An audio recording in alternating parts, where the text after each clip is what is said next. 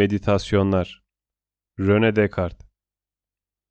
Birinci meditasyon. Kuşku duyulabilecek şeylere dair. Bir süre önce hayatımın ilk yıllarından beri pek çok yanlış görüşü doğru kabul ettiğimi ve böylesine güvenilmez temeller üzerine o gün bugündür inşa ettiklerimin de ancak son derece kuşkulu ve kesinlikten yoksun olabildiğini fark ettim. Öyle ki eğer bilim dallarında sağlam ve kalıcı bir şeyler oluşturmak istiyorsam, hayatımda bir kez olsun o güne kadar doğru olduklarına inandığım tüm görüşleri geçersiz sayma işine ciddiyetle girişmem ve her şeye temelden yeniden başlamam gerekiyordu. Ama bu bana o kadar büyük bir girişimmiş gibi göründü ki, bu işi gerçekleştirmenin daha uygun olacağı başka bir zamanın olmadığını düşüneceğim, o olgunluğa ulaşıncaya kadar bekledim. Fakat bu bekleyiş beni o kadar uzun süre geciktirdi ki, bundan böyle eğer harekete geçmek için kalan zamanı düşünüp taşınmakla harcarsam, bir hata yaptığıma inanacağım. Şimdi zihnimi meşgul edecek her şeyden uzak, kendime huzurlu bir sakinlik içinde güvenli bir dinlenme ortamı bulmuşken, eski görüşlerimin tümünü ciddiyetle ve özgürce yıkma işine girişebilirim. Ancak bu amaca ulaşmak için tüm kanılarımın yanlış olduğunu kanıtlamam gerekmeyecek. Zaten belki de böyle bir işin sonunu asla getiremezdim. Ama akıl şimdiden bize açıkça yanlış görünenler olduğu kadar tümüyle kesin ve kuşku götürmez olmayan şeylere inanmaktan da kendimi özenle sakınmam gerektiğine beni ikna ettiğinden edeceğim en küçük bir kuşku zerresi bile hepsini birden reddetmeme yetecek. Bunun için de her birini tek tek incelememe gerek yok.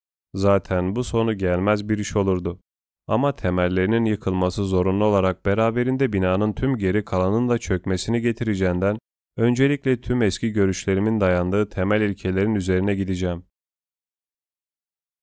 Bugüne kadar en doğru ve güvenilir olarak kabul ettiğim her şeyi duyulardan ya da duyular yoluyla öğrendim. Bazense bu duyuların aldatıcı olduğunu deneyimledim. Öyleyse bizi bir kez aldatmış olan şeylere asla tam anlamıyla güvenmemek ihtiyat gereğidir. Ama duyularımız zaman zaman bizi fazla algılanabilir olmayan ya da çok uzakta bulunan şeylere ilişkin olarak yanılsa da yine duyular vasıtasıyla bildiğimiz halde belki de mantıken kendilerinden şüphe edilemeyecek başka pek çok şey bulunabilir.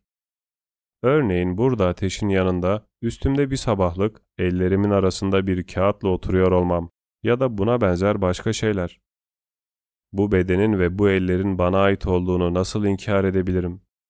Tabii eğer kendimi zihinleri öt suyunun kara buharına bulanmış ve perdelenmiş olduğundan çok yoksul oldukları halde kendilerini kral sanan, çıplak gezerken üstlerinde altın sırmalı ergüvan kaftanlar gören ya da testi olduklarını veya camdan beden taşıdıklarını hayal eden delilerle karşılaştırmayacaksam.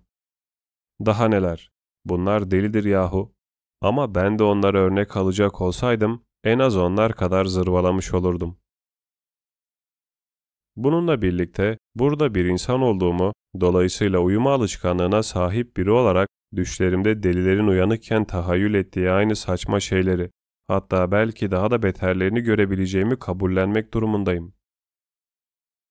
Yatağımda soyunmuş yatarken kim bilir kaç gece düşümde kendimi bu ateşin yanında giyinik olarak görmüşümdür. Ama şu anda şu kağıda bakan gözlerim hiç de uykulu değil. Sallanan başımı uyukladığım için öne düşmüyor ve elimi bilerek ve isteyerek uzatıyor, onu hissediyorum. Oysa uykuda başıma gelenler hiç de bu hissettiklerim kadar açık ve seçikmiş gibi görünmüyor. Ama bunu dikkatlice düşündüğümde uyurken bu tür yanılsamalara sıklıkla düştüğüm aklıma geliyor. Bu düşüncemin üzerinde biraz durunca uyku haliyle uyanıklığı birbirinden net biçimde ayırt etmemizi sağlayacak kesin bir gösterge ya da yeterince belirgin bir işaret olmadığını öyle açıkça görüyorum ki şaşırıp kalıyorum ve hatta şaşkınlığım o kadar büyük ki neredeyse beni uyuduğuma ikna edecek. Şimdi varsayalım ki uyuyoruz ve bütün bu özel olaylar yani gözlerimizi açmamız, başımızı sallamamız, ellerimizi uzatmamız ve benzeri şeyler sadece aldatıcı yansımalardan ibaret ve düşünelim ki belki de ne ellerimiz ne de bedenimiz onları gördüğümüz gibiler. Bununla birlikte en azından düşlerimizde gördüklerimizin ancak gerçekten var olan bazı şeylere benzetilerek yapılan tablo ve resimler gibi olduklarını Böylelikle de en azından bu genel şeylerin yani gözlerin, bir kafanın, ellerin ve bedenin geri kalanının hayali değil, gerçekten var olduklarını kabul etmek gerekir. Çünkü işin doğrusu ressamlar da deniz kızları ya da satirler gibi gerçekte var olmayan yaratıkları garip ve olağanüstü biçimler içinde temsil etmek için tüm hünerlerini gösterirken bile onlara yine de o güne kadar hiç görülmemiş yepyeni biçim ve özler veremezler. Sadece çeşitli hayvanların belli bir karışımını ve bileşimini yaparlar. Ya da belki de hayal güçleri o güne kadar benzerini hiç görmediğimiz yepyeni bir şey üretecek denli uçuktur. Böylece eserlerinde bize tümüyle sahte ve düzmece bir şey sunsalar da en azından kullandıkları renkler gerçek olmak zorundadır. Aynı sebeple bu genel şeyler yani gözler, kafa, eller ve benzeri şeyler hayali olsalar bile yine de gerçekten var olan daha basit ve daha evrensel şeylerin olduğunu, bunların karışımından tıpkı bazı gerçek renklerin karışımından olduğu gibi şeylerin düşüncemizde bulunan ister doğru ve gerçek, ister uydurma ve fantastik tüm imgelerinin oluştuğunu kabul etmek gerekir. Genel olarak cismi, doğa ve onun uzamı, bununla birlikte uzamlı şeylerin biçimi, nicelikleri, büyüklükleri ve sayıları, yine bunların bulundukları yer, sürelerini ölçen zaman ve benzerleri bu türden şeylerdir. Eğer buradan hareketle bileşik şeylerin irdelenmesine dayanan fizik, astronomi, tıp ve diğer tüm bilimlerin gayet şüpheli ve kesinlikten yoksun olduğunu, oysa doğada bulunup bulunmadıklarına pek bakılmaksızın sadece gayet basit ve genel şeyleri ele alan aritmetik geometri ya da bu mahiyette başka bilimlerin kesin ve kuşku götürmez bir şeyler içerdiğini söylersek, hiç de fena bir çıkarım yapmış olmamamızın nedeni işte belki de budur. Çünkü ister uykuda olayım ister uyanık, 2 artı 3 her zaman 5 edecektir.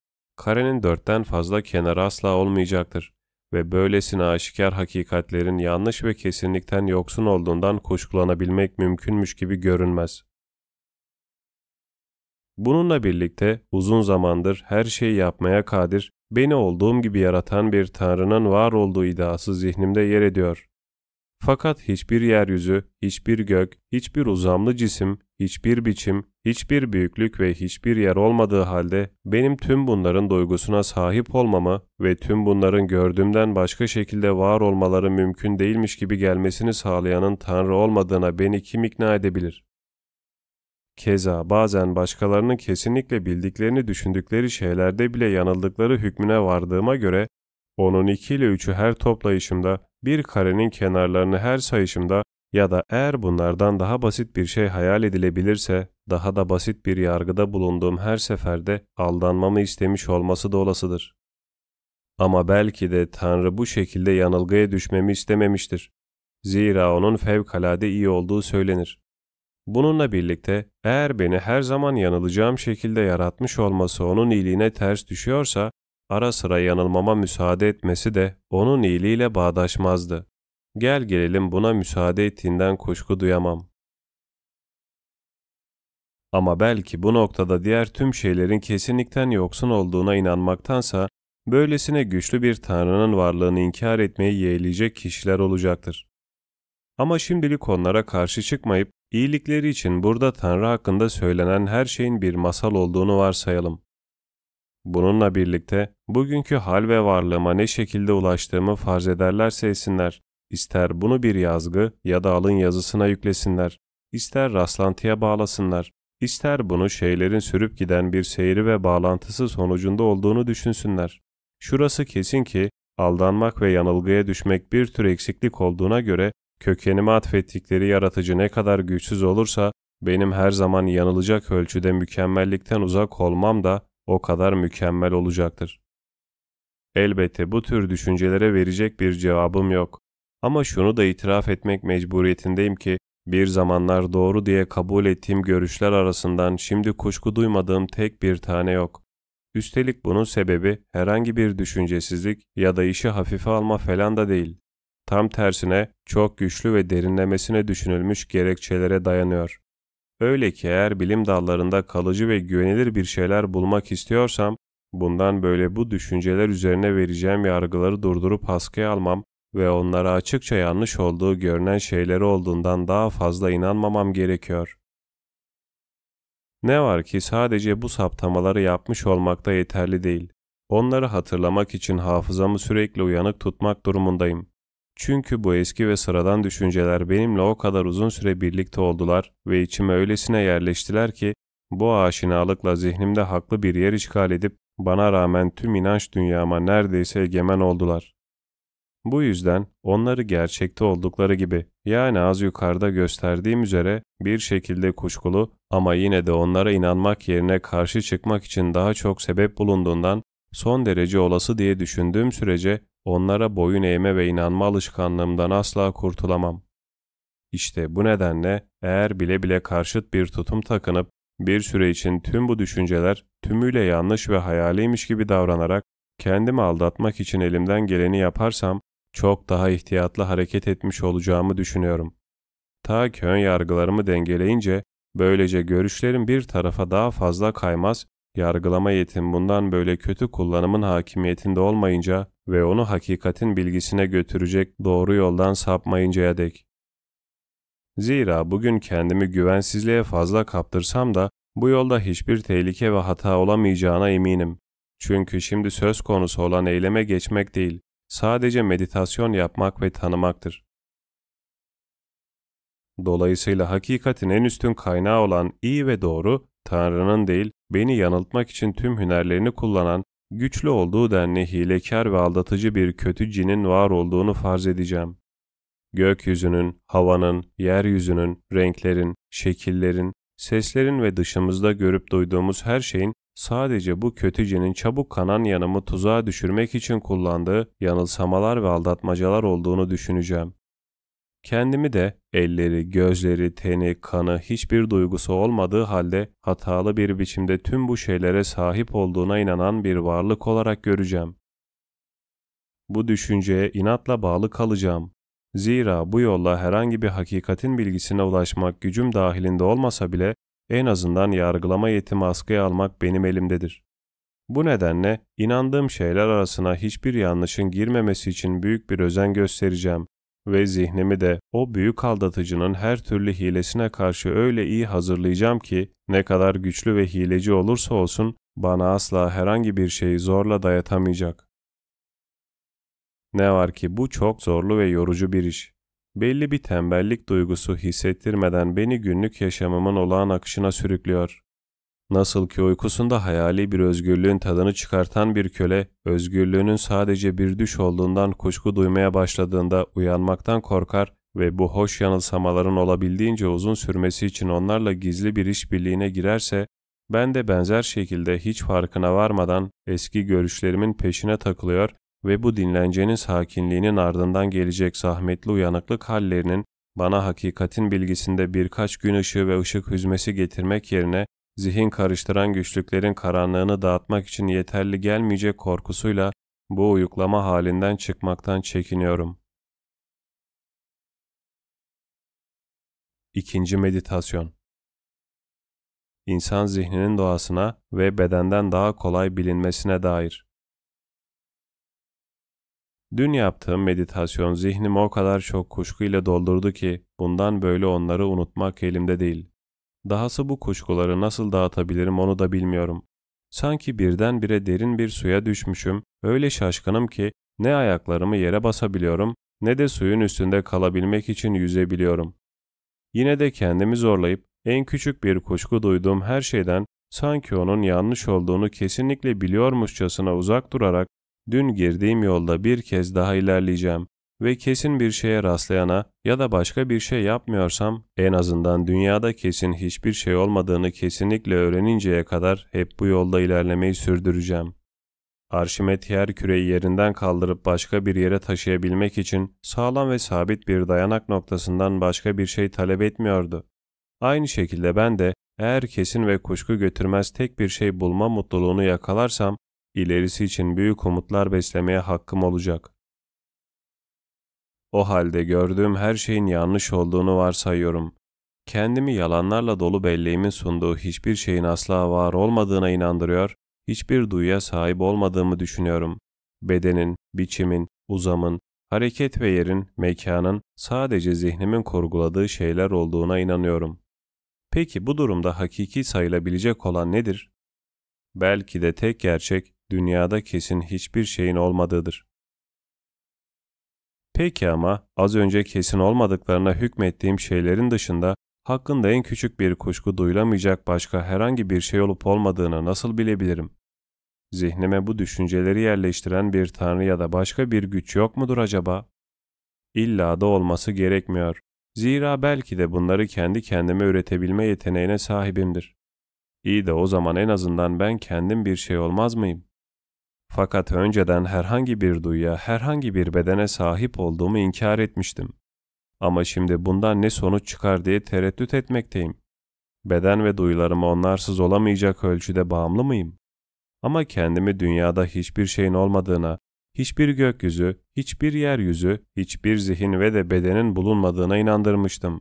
Peki o halde kendimin de var olmadığına inanmış değil miydim? Kesinlikle hayır. Eğer kendimi bir şeye inandırmışsam ya da sadece herhangi bir şey düşünmüşsem kuşkusuz vardım. Ama bir de tüm hünerini beni hep kandırmak için kullanan çok güçlü ve çok kurnaz, neydi belirsiz bir aldatıcı var. Eğer beni aldatıyorsa, öyleyse var olduğuma hiç kuşku yok. İstediği kadar aldatsın beni. Ben bir şey olduğumu düşündüğüm sürece bir şey olmamamı asla sağlayamayacaktır. Öyle ki her şeyi iyice düşünüp özenle inceledikten sonra egosum, ego existo, benim, varım önermesini her ileri sürüşüm ya da zihnimde tasavvur edişimde onun zorunlu olarak doğru olduğu sonucuna varmak ve bunun değişmez olduğunu kabul etmek gerekir. Ama olduğumdan emin olan ben hala ne olduğumu yeterince açık bir biçimde bilmiyorum. Öyle ki kendimi bundan böyle ihtiyatsızca başka bir şey saymaktan, başka bir şeyi ihtiyatsızca ben saymaktan ve böylece daha önce sahip olduklarımın hepsinden daha kesin ve daha açık olduğunu savunduğum bu bilgide yanılgıya düşmekten özenle kaçınmalıyım. Bu nedenle bu son düşüncelere ulaşmadan önce kendimi ne sandığımı, ne olduğuma inandığımı bir kez daha irdeleyeceğim ve eski görüşlerimden az önce ileri sürdüğüm gerekçelere ters düşebilecek her şeyi atacağım. Öyle ki geriye bütünüyle kuşku götürmez olanlardan başka hiçbir şey kalmasın. Öyleyse daha önce ne olduğumu sanıyordum. Hemen söyleyeyim. Bir insan olduğumu düşünmüştüm. İyi de bir insan nedir? Acaba insan mantıklı bir hayvandır diyebilir miyim? Kesinlikle hayır. Çünkü bunu söylediğimde hemen ardından hayvanın ne olduğunu, mantıklı olmanın ne anlama geldiğini araştırmam gerekecek. Yani tek bir soruyla farkına varmadan çok daha zorlu, kafa kurcalayan neredeyse sonsuz sayıda sorunun içine düşmüş olacağız. Bana kalan üç günlük sakin yaşamımı bu tür inceliklerle uğraşarak harcamak istemiyorum. Bunun yerine burada varlığımı irdelemekle uğraşırken az önce zihnimde kendiliklerinden doğan ve sadece doğamın bana isimlediği düşünceler üzerinde yoğunlaşacağım. Önceleri kendimi bir yüze, ellere, kollara ve beden diye adlandırdığım bir ceset halinde görünen et ve kemikten oluşan tüm şu makineye sahip olarak düşünüyordum. Bunun dışında yemek yediğimi, yürüdüğümü, hissettiğimi, düşünebildiğimi tasarlıyor ve bu eylemlerin tümünü ruhuma bağlıyordum. Fakat bu ruhun ne olduğunu düşünmek için durmuyordum ya da eğer duruyorsam onun en kaba organlarıma yayılan ve nüfuz eden bir yel, bir alev ya da çok ince bir hava gibi son derece seyrek ve hafif bir şey olduğunu hayal ediyordum. Bedenime gelince doğası hakkında hiçbir kuşku beslemiyordum. Zira onu açıkça tanıdığımı düşünüyordum ve eğer onu sahip olduğum mefhumlara göre açıklamak isteseydim şu şekilde betimlerdim. Cisim deyince bir biçimle sınırlandırılan, belli bir yer tarafından ihtiva edilen ve diğer tüm cisimlerin dışlanacağı şekilde bir uzamı dolduran, dokunma, görme, işitme, tad alma, koku alma duyularıyla hissedilebilen, kendi kendine değil de kendine temas eden ve tesirinde kaldığı yabancı bir şey tarafından birçok şekilde hareket ettirilebilen her şeyi anlıyorum. Çünkü kendinde hareket etme, hissetme ve düşünme gücü taşımanın hiçbir şekilde cismi doğaya yüklenemeyeceğine inanıyordum ve aksine benzeri yetilere bazı cisimlerde rastlandığını gördüğüme şaşırıyordum. Ama şimdi bütün gücünü ve hünerini beni yanıltmak için kullanan son derece güçlü ve deyim yerindeyse kötü ve hileci birinin var olduğunu varsaydığıma göre acaba ben kimim? yukarıda cismi doğaya yüklediğim şeylerin en küçüğüne bile sahip olduğuma emin olabilir miyim? Bunu dikkatle düşünmek için duruyorum. Her şeyi zihnimde tekrar tekrar evirip çeviriyorum. Ama bunların arasında bende olduğunu söyleyebileceğim hiçbir şey bulamıyorum. Bunları tek tek sıralamanın da bir gereği yok. Öyleyse ruha ait olan şeylere, ruhun yüklemlerine geçip içlerinde bana ait olan bir şey bulabilir miyiz bir bakalım. Bunlardan ilki yemek yiyip beslediğim ve yürüdüğümdü. İyi de eğer bir bedene sahip olmadığım doğruysa o zaman beslenemeyeceğim ve yürüyemeyeceğim de bir gerçektir. Ruha ait şeylerden biri de hissetmektir. Ama beden yoksa hissetmek de mümkün değildir. Hem şu da var ki eskiden uykumda pek çok şeyi hissettiğimi düşünmüş, sonra uyandığımda bunları aslında hissetmediğimi kabul etmiştim. Ruha ait olduğunu söylediğim şeylerden bir diğeri de düşünmektir. Ve işte burada düşünmenin de sahip olduğum bir özellik olduğunu bulurum. Sadece o benden ayrılmaz. Benim, varım. Bu kesin ama ne kadar süre için? Ancak düşündüğüm sürece. Zira ola ki düşünmeye son verseydim, aynı zamanda olmaya ya da var olmaya da son verirdim. Şimdi ille de doğru olmayan hiçbir şeyi kabul etmiyorum. Öyleyse ben, kesin olarak söylersek sadece düşünen bir şeyim. Yani bir zihinim, bir anlığım, müdrikeyim ya da bir akılım, anlağım. Ama bunlar önceden bana yabancı olan terimler. Oysa ben gerçek ve gerçekten var olan bir şeyim. İyi de nasıl bir şey? Söylediğim gibi düşünen bir şeyim. Peki başka? Daha fazla bir şey olup olmadığımı görmek için tahayyül etme yetimi zorlayacağım. İnsan bedeni diye adlandırılan şu organlar toplamı hiç değilim. Her organa yayılmış seyrek ve nüfuz edici bir havada değilim. Ne bir yel, ne bir nefes, ne bir buhar, ne de tahayyül edebileceğim, kafamda uydurabileceğim herhangi bir şeyim. Çünkü tüm bunların bir hiç olduğunu varsaymıştım. Ama bu kabulümü değiştirmesem bile yine de bir şey olduğumdan emin olmayı sürdürüyorum. Ancak bilgim dahilinde olmadıkları için var olmadıklarını varsaydığım bu şeyler aslında bildiğim benden farklı olabilir. Bunu bilmiyorum. O yüzden şimdi bunu tartışmayacağım. Ancak bildiğim şeyler konusunda bir hüküm verebilirim. Var olduğumu kabul ediyor ve var olduğunu kabul eden bu benin ne olduğunu araştırmaktayım. Gel gelelim kendime dair böylesine belirgin biçimde elde ettiğim bu mefhum ve bilginin varlıkları benim için henüz bir bilinmeyen olan şeylere bağlı olmadığı kesindir. Netice itibariyle daha kuvvetli bir sebeple tahayyül edilerek icat edilmiş ya da uydurulmuş şeylere de. Ve hatta bu uydurmak ve tahayyül etmek sözcükleri bile hata yapmakta olduğum konusunda beni uyarıyorlar. Zira aslında eğer bir şeyler olduğumu tahayyül etseydim o zaman uydurmuş olurdum. Çünkü tahayyül etmek cismi bir şeyin şeklini ya da imgesini seyre dalmaktan başka bir şey değildir. Oysa var olduğumu zaten kesin olarak biliyorum. Ama yine de tüm bu imgelerin ve genel olarak bedenin doğasıyla ilişkilendirilen şeylerin tamamının sadece düşlerden ve kuruntulardan ibaret olması da olasıdır. Bunun ardından kim olduğumu daha belirgin bir biçimde bilebilmek için tahayyül etme yeteneğimi harekete geçireceğim demenin Şimdi uyanığım ve gerçekten olan ve hakiki bir şeyler görüyorum. Ama bunu henüz yeterince net kavrayamadığım için düşlerim bana bu şeyi tam bir gerçeklik ve açıklıkla sunabilsinler diye bilerek uykuya dalacağım demem kadar uygunsuz olacağını açıkça anlıyorum.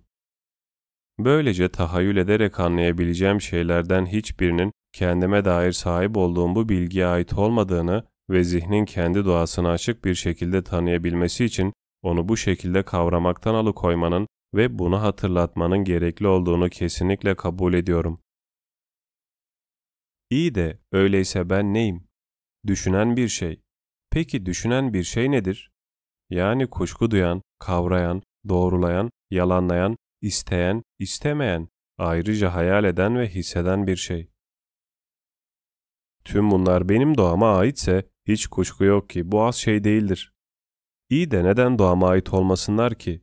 Ben hala neredeyse her şeyden kuşku duyan ama yine de bazı şeyleri anlayan ve kavrayan, bir tek bunların hakiki olduklarından emin olup bunu doğrulayan, tüm diğerlerini reddeden, daha fazlasını bilmek isteyen ve arzulayan, aldatılmak istemeyen, pek çok şeyi hatta bazen istemeden de olsa hayal eden, bir o kadarını bedenin duyuları aracılığıyla hisseden o aynı ben değil miyim? her zaman uyusam da beni var etmiş olan tüm gücüyle beni yanıltmak için uğraşsa da kesin olarak var ve yaşıyor olmam kadar hakiki başka bir şey yok mu? Bu özelliklerden herhangi biri düşüncemden ayrı olarak ele alınabilir ya da benden ayrı düşünülebilir mi? Yapılamaz. Çünkü eşyanın doğası gereği kuşku duyan, işiten, arzulayan, daha fazla söze gerek yok, benden başkası değil, benim. Keza bende düş kurma yeteneği olduğu da kesin. Çünkü daha önce varsaydığım gibi düş kurduğum şeyler gerçek olmasalar da söz konusu düş kurma yeteneği benimle birlikte olmayı bırakmıyor ve düşünme yeteneğimin bir parçası olmayı sürdürüyor. Sonra bir de duyularımla algılıyor olmam var. Işığı görüyorsam, gürültüyü duyuyorsam, ısıyı hissediyorsam, demek ki duyu organlarıyla bunları algılayabilen biriyim. Ama bana tüm bu görüntüler sahte ve sen uyuyorsun diyebilirsiniz. Diyelim ki öyle. En azından sanki görüyor, işitiyor, ısınıyor gibi hissettiğim kesin. Buna da işin doğrusu hissetmek denir. Bu şekilde ele alındığında da hissetmek düşünmekten başka bir şey olamaz. İşte bu noktada biraz ışık ve biraz daha netleşmesiyle ne olduğumu anlamaya başlıyorum. Başlıyorum başlamasına da yine de görüntülerini düşüncemle oluşturduğum, duyuların hükmünde olan cismi şeylerin, düş gücümün hükmü altında olmayan parçalarıma göre daha açık bir şekilde bilinebileceklerine inanmaktan kendimi alamıyorum. Kuşkulu ve uzak bulduğum şeyleri, hakiki ve kesin olan şeylere göre daha kolay ve daha açık bir biçimde tanımam garip de görünse, o şeyler de yine doğamın bir parçasıdır. Ama bu neden böyle biliyorum. Zihnim yolundan sapmayı seviyor ve hakikatin sınırları arasında kalmayı hala beceremiyor. O halde hemen ardından hafifçe gemlerini sıkıp daha kolay yönlendirmek ve ayarlayabilmek için zihnimizin gemini bir kez daha serbest bırakalım. Çok açık bir biçimde anladığımızı sandığımız en iyi bilinen şeyleri, örneğin gördüğümüz ve dokunduğumuz cisimleri ele almakla işe başlayalım. Cisimlerden genel bir biçimde söz etmek istemem. Çünkü genel kavramlar daha karışıktır ama belirli bir cismi ele alabiliriz. Örneğin kovandan yeni çıkartılmış şu bal mumu parçasını örnek olarak inceleyelim. Bakın içerdiği balın yumuşaklığını hala yitirmemiş. Hala çiçeklerin kokusundan izler taşıyor. Peteğin rengi, biçimi, büyüklüğü hala belirgin, katı ve soğuk. Ona dokunabiliyorum. Üzerine vurursam bir ses çıkıyor.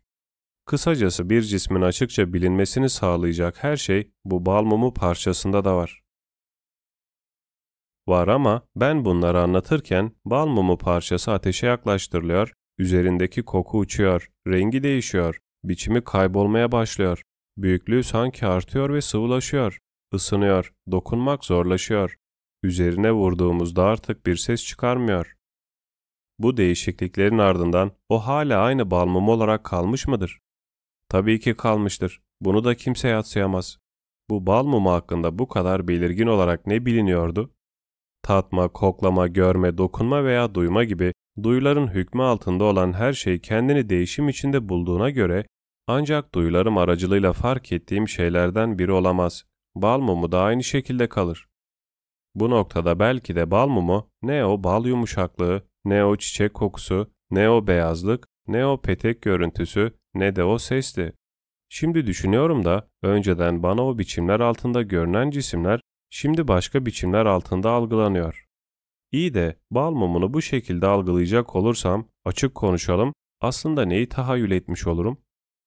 Bal mumuna ait olmayan şeylerin tümünü atarak olayı yakından inceleyelim ve bakalım geriye ne kalmış. Uzamlı, esnek ve kararsız bir şeyden başka bir şeyin kalmayacağı kesin. İyi de esnek ve kararsız olması ne demek? Esnek ve kararsız demekle bal mumunun daire şeklinden kareye, kareden de üçgene dönüşebileceğini tahayyül etmiş olmuyor muyum? Kesinlikle hayır. Bal mumunun sınırsız sayıda bunlara benzeyen değişimlere imkan verdiğini algılayıp düş kurma gücümün bu sonsuz sayıda değişimi kapsayamayacağını algıladığımdan ve sonuç olarak da zihnimde beliren bu bal mumu imgesi tahayyül etme becerim sayesinde oluşmadığından kesinlikle bu anlama gelmez. Uzamın genişlemesi dediğimiz şey ne öyleyse? Bal mumu eridikçe uzamın genişlemesi, tümüyle eridiğinde daha da genişlemesi, ısının daha fazla artmasıyla daha çok genişlemesi bir bilinmez değil midir? genişlemesine bakarak tahmin ettiğimden daha fazla şekle girebileceğini düşünmüş olsaydım, bal mumunu açık bir şekilde algılayamazdım. Bu durumda bal mumunun ne olduğunun tahayyül ederek algılanamayacağını, onu sadece anlığımla kavrayabileceğimi kabul etmem gerekiyor. Belirli bir bal mumu parçasından bahsetmiştik. Bal mumunu genelinde ele aldığımızda durum daha da açıktır. Başka bir deyişle sadece anlıkla ya da zihinle algılanabilecek olan bu bal mumu neyin nesidir? Gördüğüm, dokunduğum, tahayyül ettiğim, kısacası başından beri bildiğimle aynı şey olduğu kuşkusuz. Ama bu noktada dikkat edilmesi gereken husus şudur. Bal mumu algısı daha önceden öyle görünse de ne bir görme, ne bir dokunma, ne de bir imgelemdir. Sadece zihnin bir öngörüsüdür. Dikkatimi onun içinde bulunan veya onu oluşturan şeylere az ya da çok vermeme bağlı olarak eskiden olduğu gibi hatalı ve karışık veya şimdi olduğu gibi açık ve seçik olabilir. Bununla birlikte zihnimin zayıflıklarını farkına varmadan hata yapma eğiliminde olduğunu düşününce ne kadar şaşırsam az. Çünkü dile getirmesem de bütün bunları zihnimde canlandırabiliyorum. Kelimeler bana ket vuruyor ve günlük dilde kullanılan terimler beni yanıltıyor. Örneğin aynı renge ve aynı biçime sahip olmasına dayanarak gerçekten aynı solup olmadığına bakmadan aynı bal mumunu gördüğümüzü söyleriz. Üstelik salt bu görüşe dayanarak bal mumunu zihinsel öngörüyle değil de göze görünüş şekliyle tanıdığımız sonucuna varmak istiyorum. Yoldan geçen insanlara tesadüfen pencereden bakarsam nasıl ki bal mumunu gördüğümü söylüyorum, bu sefer de sokakta insanlar görüyorum derim. Fakat pencereden gördüklerim şapka ve paltolardan başka bir şey değil. Yani hareket halinde ve insan suretinde olan bazı şeyleri örten şeyler görüyorum. Ama ben bunların gerçek insanlar oldukları yargısına varıyor ve sadece zihnime yerleşen yargılama gücümle, gözlerimle gördüğüme inandığım şeyi anlamış oluyorum. Bilgisini ortalamanın üstüne çıkarmaya çalışan insan, halkın günlük konuşmasında kullandığı kelime ve deyimlerden kuşkulanmaya çalışmaktan utanmalıdır. En iyisi bu konuyu kapatalım. Bal mumunu ilk gördüğümde onu dışsal duyularla ya da en azından sağduyu olarak adlandırdığımız şeyle yani tahayyül etme yetisiyle bildiğime inandığımda bal mumunun ne olduğunu daha açık ve daha mükemmel bir biçimde algılayıp algılayamadığımı veya ne olduğunu ve hangi yollarla bilinebileceğini detaylı bir şekilde inceledikten sonra oluşan şimdiki algımın açık olup olmadığını düşünmeliyim. Bundan kuşku duymak da oldukça gülünç olurdu. Çünkü o ilk algılamada belirgin olan ne vardı? En küçük hayvan tarafından bile algılanamayan ne vardı? Ama bal mumunu dış görünüşlerinden ayırıp giysilerinden soyarak tümüyle çıplak bir halde ele aldığımda yargıda bulunmamda bir hata yapma olasılığı her zaman söz konusu olsa da zihnim işe karışmadan bal mumunu asla algılayamam. İyi de bu zihin yani kendim hakkında ne söyleyebilirim? Bu noktaya kadar özünde zihnin dışında başka bir şey olmadığını ileri sürdüm. Bal mumu parçasını bu kadar net ve açık bir şekilde algılıyor gibi görünen kendim hakkında ne diyeceğim, neyi dile getireceğim? Sadece tüm gerçekliğim ve kesinliğimle değil, çok daha farklı ve net bir biçimde de kendimi bilmiyor muyum acaba? Çünkü eğer gördüğüm şeye dayanarak bal mumu var diye bir yargıya varıyorsam, bunun doğal sonucu çok açık bir biçimde yine gördüğüm şeye dayanarak benim de var olduğumdur. Gördüğüm şeye dayanarak diyorum. Çünkü gördüğüm şey aslında bal mumu olmayabilir. Hatta herhangi bir şeyi görecek gözlerimin bile olmaması olasıdır. Ama ne var ki gördüğümde ya da bence aralarında hiçbir fark yok, gördüğümü düşündüğümde düşünen benim bir şey olamamam söz konusu olamaz. Aynı şekilde ona dokunup bal mumu vardır yargısına varıyorsam yine aynı şekilde yani ben de varım sonucuna ulaşırım. Keza tahayyül etme yetim beni bal mumunun var olduğuna ikna etmişse ya da herhangi başka bir nedenle buna ikna olmuşsam her zaman yine aynı sonuca ulaşırım. Burada bal mum için yaptığım saptama dışımda olan, ben olmasam da var olan tüm şeyler için geçerlidir. Bal mumu, kavramı ya da bilgisine sadece görme ve dokunmayla değil, daha başka birçok nedenle ulaşılabildikten sonra bana daha net ve daha belirginmiş gibi görünüyorsa, bal mumunun ya da başka bir şeyin doğasını anlayıp bilmeme yardımcı olan bunca neden, zihnimin doğasını da daha kolay ve daha net bir biçimde tanımama da yardımcı oluyor demektir. Ve bu durumda da kendimi daha iyi tanımam gerekmez mi? Ayrıca zihinde zihnin doğasını aydınlatmaya muktedir o kadar çok şey vardır ki, yukarıda andığımız bedene bağlı nedenlerin lafını bile etmeye pek değmez. Sonuçta istediğim noktaya belli etmeden gelmiş bulunuyorum. Madem ki bütünlükleri cisimleri tahayyül etme yetimizle ya da duyularımızla değil de özümüzde var olan anlama yeteneğimizle tanıyoruz, bu şeyleri madem ki görerek dokunarak değil ancak düşünerek algılayabiliyoruz, bunun anlamı zihnimden daha kolay anlaşılabilir bir şey olmadığını da biliyorum demektir. Ama eski bir görüşten tümüyle kurtulmanın neredeyse olanaksız olduğu göz önüne alınırsa, uzun bir meditasyonla bu yeni bilgiyi iyice özümseyebilmek için bu noktada biraz durup nefeslensem fena olmayacak. Üçüncü meditasyon Var olan Tanrı hakkında Şimdi gözlerimi kapatıp kulaklarımı tıkayacak, bütün duyularıma yüz çevirerek kafamdan cismi şeylerin tüm görüntülerini sileceğim. Ya da en azından elimden geldiği yapabildiğim kadar bu görüntülerin tümüyle yanlış ve boş şeyler olduğunu düşüneceğim. Böylece kendi üzerimde yoğunlaşıp kendi iç dünyamı ele alacak ve adım adım kendimi daha iyi tanımaya ve bilmeye çalışacağım. Ben düşünen bir şeyim. Yani kuşku duyan, onaylayan, yatsıyan, pek az şey bilen, pek çok şeyi görmezden gelen, seven, nefret eden, isteyen, istemeyen, hayal kuran ve de hisseden bir şeyim. Çünkü daha önce de gösterdiğim gibi Duyumsadıklarım ya da tahayyül ettiklerim benim dışımda, hatta kendi dışlarında belki de var olmayan şeyler. Ama öyle de olsa bu şekilde düşünme, yani duygular ve düşler dediğim şeyin bir tür düşünme biçimi olduğu sürece ben de var olmayı sürdürüp zaman zaman ortaya çıkacağından eminim.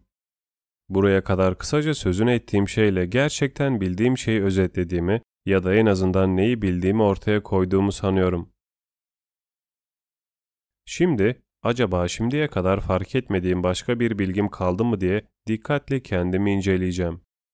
Düşünen bir şey olduğum kesin. Kesin olmasına kesin de bu durumda bir şeyi kesin olarak bilmemi sağlayan şeyin ne olduğunu da biliyor olmam gerekmez mi? Bu ilk bilgide açık ve net bir biçimde bildiğim şeyin dışında onun gerçekliğini kanıtlayan başka bir şey yok. Bu şekilde açık ve net bir biçimde algıladığım herhangi bir şeyin gerçek olmama ihtimali varsa bu bilginin de kendi gerçekliği konusunda beni ikna etmeye yeterli olmayacağı ortada. Bu noktadan hareketle çok net, çok açık bir biçimde algıladığımız şeylerin tümü gerçektir biçiminde genel bir kural oluşturabilirmişim gibi görünüyor. Bununla birlikte daha yukarıda pek çok şeyi çok kesin ve çok açık bir bilgi olarak kabul etmeme karşın sonradan bunların kuşkulu ve kesin olmayan bilgiler olduklarını da kabul etmek zorunda kalmıştım. Neydi bunlar? Yeryüzü, gökyüzü, yıldızlar ve duyularımla algıladığım diğer şeylerdi. Bunlarda açık ve seçik olarak neyi algılıyordum? Bu şeylere ilişkin düşünce ya da ideadan başka bir şey zihnimde vuku bulmuyordu. Şu anda bile bu ideaların zihnimde olduklarını inkar etmiyorum. Fakat bir şey daha vardı. Ona inanma alışkanlığı edinmem sayesinde gerçekten algılayamadığım şeyleri bile çok net bir biçimde algıladığımı sanmama yol açıyordu. Yani benim dışımda bir şeyler vardı. Bu iddialar bu şeylerden kaynaklanmaktaydı ve bu iddialar bu şeylere çok benziyordu. Ya bu noktada yanılmaktaydım ya da belki de gerçeğe göre bir yargıya varmıştım. Vardığım yargının doğru olmasının nedeni sahip olduğum herhangi bir bilgi değildi. İyi de aritmetik ya da geometri ile ilgili çok daha kolay ve çok daha basit şeyleri Örneğin 2 artı 3'ün 5 etmesi ve buna benzer şeyleri düşündüğümde bu şeyleri en azından doğru olduklarından emin olacak kadar açık bir biçimde algılamıyor muyum? Bazı şeylerden şüpheleneceğim yargısında bulundum. Evet ama bunun nedeni Tanrı'nın bana en belirgin şekilde görünen şeylerde bile yanılgıya düşebileceğim bir doğa bahşetmiş olabileceğinin aklıma gelmesiydi. Ne var ki Tanrı'nın egemen gücü hakkındaki bu eski iddia ne zaman aklıma düşse bunun onun için kolay bir şey olduğunu itiraf etmek zorundayım. Eğer isterse çok sağlam kanıtlara sahip olduğum durumlarda bile yanılgıya düşmeme neden olabilir.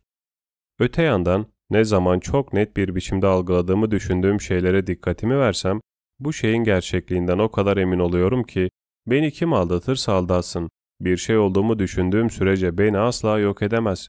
Şu an var olduğuma göre günün birinde hiç var olmadığıma ya da 2 artı 3 ne 5'ten az ne de 5'ten fazla etmediğine algıladığımdan başka bir şekilde olamayacağını açıkça gördüğüm buna benzer şeyler olduğuna beni inandıramaz demekten kendimi alamıyorum. Aldatan bir tanrının varlığına inanmak için yeterli kanıt olmadığından, dahası bir tanrının var olup olmadığı konusunu henüz ele almamış olduğumdan, salt bu görüş yüzünden duyulan kuşkunun nedeni çok zayıf kalacak. Deyim yerindeyse metafizik bir yaklaşım olacaktır. Bu kuşkuyu tümüyle ortadan kaldırabilmek için yeri gelir gelmez Tanrı'nın varlığı konusuna girmek ve eğer bir Tanrı'nın var olduğunu kanıtlarsam bu Tanrı'nın aldatıcı olup olmadığını araştırmak durumundayım. Çünkü bu iki gerçek hakkında bilgi sahibi olmadan hiçbir konudan emin olamayacağımı görüyorum. Zihnimde ilk bulacağım idealardan başlayarak adım adım sonrasına geçme şeklinde tasarladığım meditasyon düzenimi bozmadan sözünü ettiğim araştırmayı gerçekleştirebilmek için tüm düşüncelerimi sınıflamak ve bu sınıflardan doğru ve yanlışları içerenleri ayıklamak durumundayım. Düşüncelerimin bazıları sanki şeylerin görüntüleri, imgeleri gibidir. İdea tanımı da zaten sadece bunlara uygun düşüyor. Yani kafamda bir insan, bir masal canavarı, gökyüzü, bir melek, hatta tanrı tasarlamam gibi. Bunların dışındaki diğer düşüncelerim değişik biçimler alabiliyor. Örneğin isterken, koklarken, onaylar ya da inkar ederken zihinsel eylemin öznesi gibi şeyler algılarım muhakkak. Ama bu eylemle birlikte bu özne düşüncesine bir şeyler daha eklerim. Bu tür düşüncelerin bir kısmı istem ya da duygulanım, diğerleri ise yargı olarak adlandırılır. İdeaları sadece idea olarak yani başka herhangi bir şeyle ilişkilendirmeden ele aldığımızda kelimenin tam anlamıyla asla yanlış olamazlar. Çünkü ister bir keçi, ister bir masal canavarı hayal edeyim, birini diğerinden daha az doğru, daha az gerçek, daha eksik olarak hayal edemem. Duygulanım ya da istemlerde de yanlışlıklarla karşılaşılabileceğinden çekinmemek gerekir. Çünkü kötü ya da hiç olmayan şeyleri dahi arzulayabilecek olmam, onları gerçekten arzulamamdan daha az gerçek değildir. Böylece geriye sadece yargılarımız kalır. Asıl hataya düşmekten korkmamız, hata yapmamak için uyanık olmamız gereken konu da budur. Bu konuda yapılan en temel ya da sıradan hata da sahip olduğum ideaların dışındaki şeylere benzer ya da uygun oldukları yargısında bulunmamdır. Çünkü düşüncelerimi dışsal bir şeyle ilişkilendirmeksizin sadece düşünce biçiminin bir kalıbı olarak ele aldığımda zaten herhangi bir hataya yol açmazlar. Bu düşüncelerden bazıları bana öyle geliyor ki doğuştan beri benimle, bazıları ise bana yabancı şeyler ve dışarıdan gelmekte.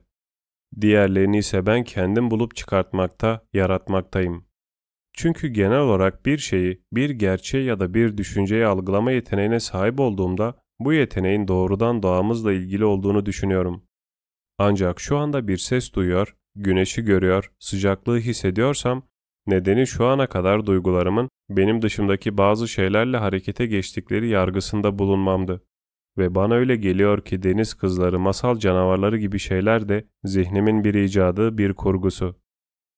Fakat tüm bu düşündüklerimin belki de bana yabancı olduklarına ve dışarıdan geldiklerine ya da doğuştan beri benimle birlikte var olduklarına veya doğrudan benim tarafımdan bulunduklarına kendimi inandırıp ikna etmeliyim. Çünkü henüz bu düşüncelerin gerçek kaynağını tam olarak keşfedebilmiş değilim. Bu noktada yapmam gereken asıl iş, dışımdaki bir nesneden geldiğini düşündüğüm iddiaların hangi nedenlere bağlı olarak bu nesneyle olan benzerliklerine beni inanmaya zorladıklarını araştırmaktır. Bu nedenlerden ilki sanırım doğanın beni bu şekilde itmiş olması. İkincisi de bu iddiaların benim istencime bağlı olmadıklarını deneyimlememdir. Çünkü bu tür iddialar bana rağmen sıklıkla ortaya çıkmaktalar. Tıpkı şimdi olduğu gibi istesem de istemesem de sıcaklığı hissetmekteyim ve bu nedenle bu duygu ya da sıcaklık düşüncesinin benden farklı bir şeyle benim üzerimde yanında durduğum ateşin ısısıyla örneğin harekete geçirildiğine kendimi ikna ediyorum.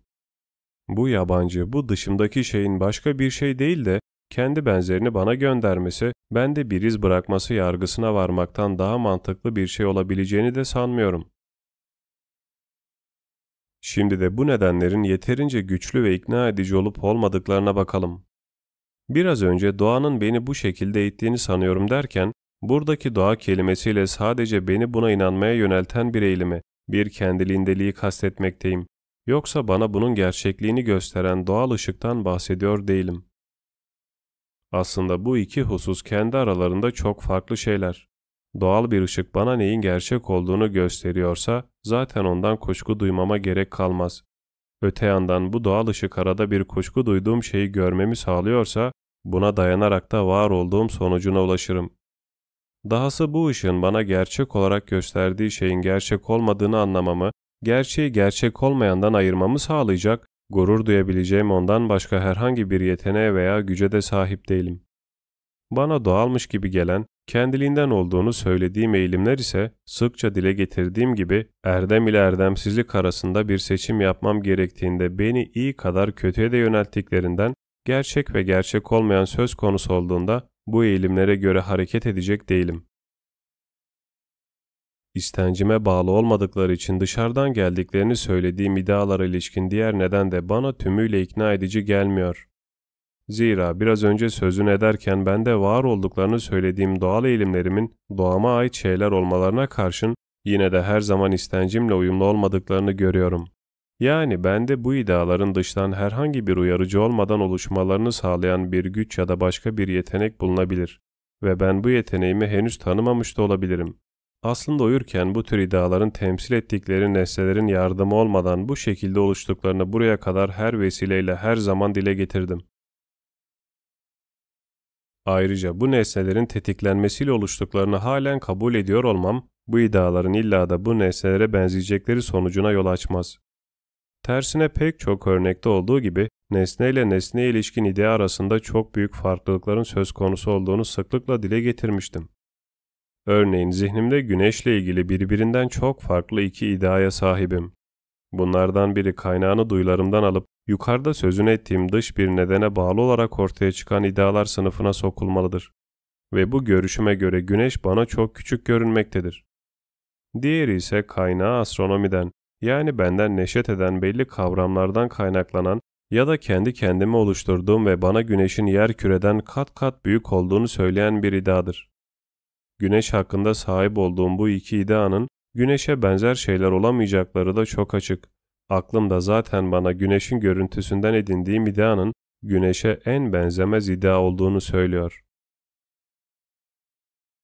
Tüm bunlar şu ana kadar kesin ve önceden tasarlanmış bir yargıyla değil, sadece kör ve cüretkar bir itkiyle dışımda bir şeyler olduğuna, duyularım ya da herhangi bir başka araçla bu şeylerin bana kendilerine ilişkin ideaları ya da görüntülerini gösterdiklerine ve bende iz bıraktıklarına inanmamı sağlıyor. Fakat haklarında bir ideaya sahip olduğum nesnelere ilişkin idealardan bazıları benim dışımda da varlarsa, yani var olmaları bana bağlı değilse, araştırma için başka bir yol daha var. Şunu söylemek istiyorum. Eğer bu idealar sadece belli bir düşünce biçimi olarak değerlendirilmekteyseler, bu idealar aralarında herhangi bir farklılık ya da eşitsizlik gözetemem. Hepsi de zihnimde aynı biçimde oluşurlar. Yok, eğer bunlar bir şeylerin imgesi olarak ele alınıyor, o şeyi temsilen oluşuyorlarsa, bazıları şunu diğerleri bunu temsil ediyorsa, bu da bu ideaların birbirinden çok farklı olmalarına yol açacaktır. Çünkü zihnimde özüyle temsil edilen şeyler hiç kuşkusuz aslında onları temsil eden idealardan daha fazlasıdır. Deyim yerindeyse kendi içlerinde daha fazla nesnel gerçeklik içermektedirler. Yani sadece düşünce biçimi ya da düşüncenin eklenmesiyle oluşan temsil edici ideadan daha yüksek değerde bir varoluş ve mükemmelliği paylaşırlar. Dahası ezelden ebede süre giden, sonsuz ve yüce, kendi dışındaki her şeyin yaratıcısı olan bir tanrıyı algılamamı sağlayan idea, kendi içinde sonlu özleri temsilen sahip olduğum idealardan çok daha fazla nesnel gerçeklik içermektedir.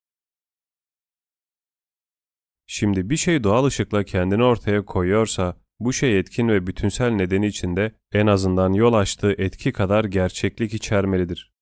Zira söz konusu etki eğer bu nedenden kaynaklanmıyorsa başka nereden kaynaklanabilir? Nedenin gerçekliği yoksa ona bunu nasıl iletebilir?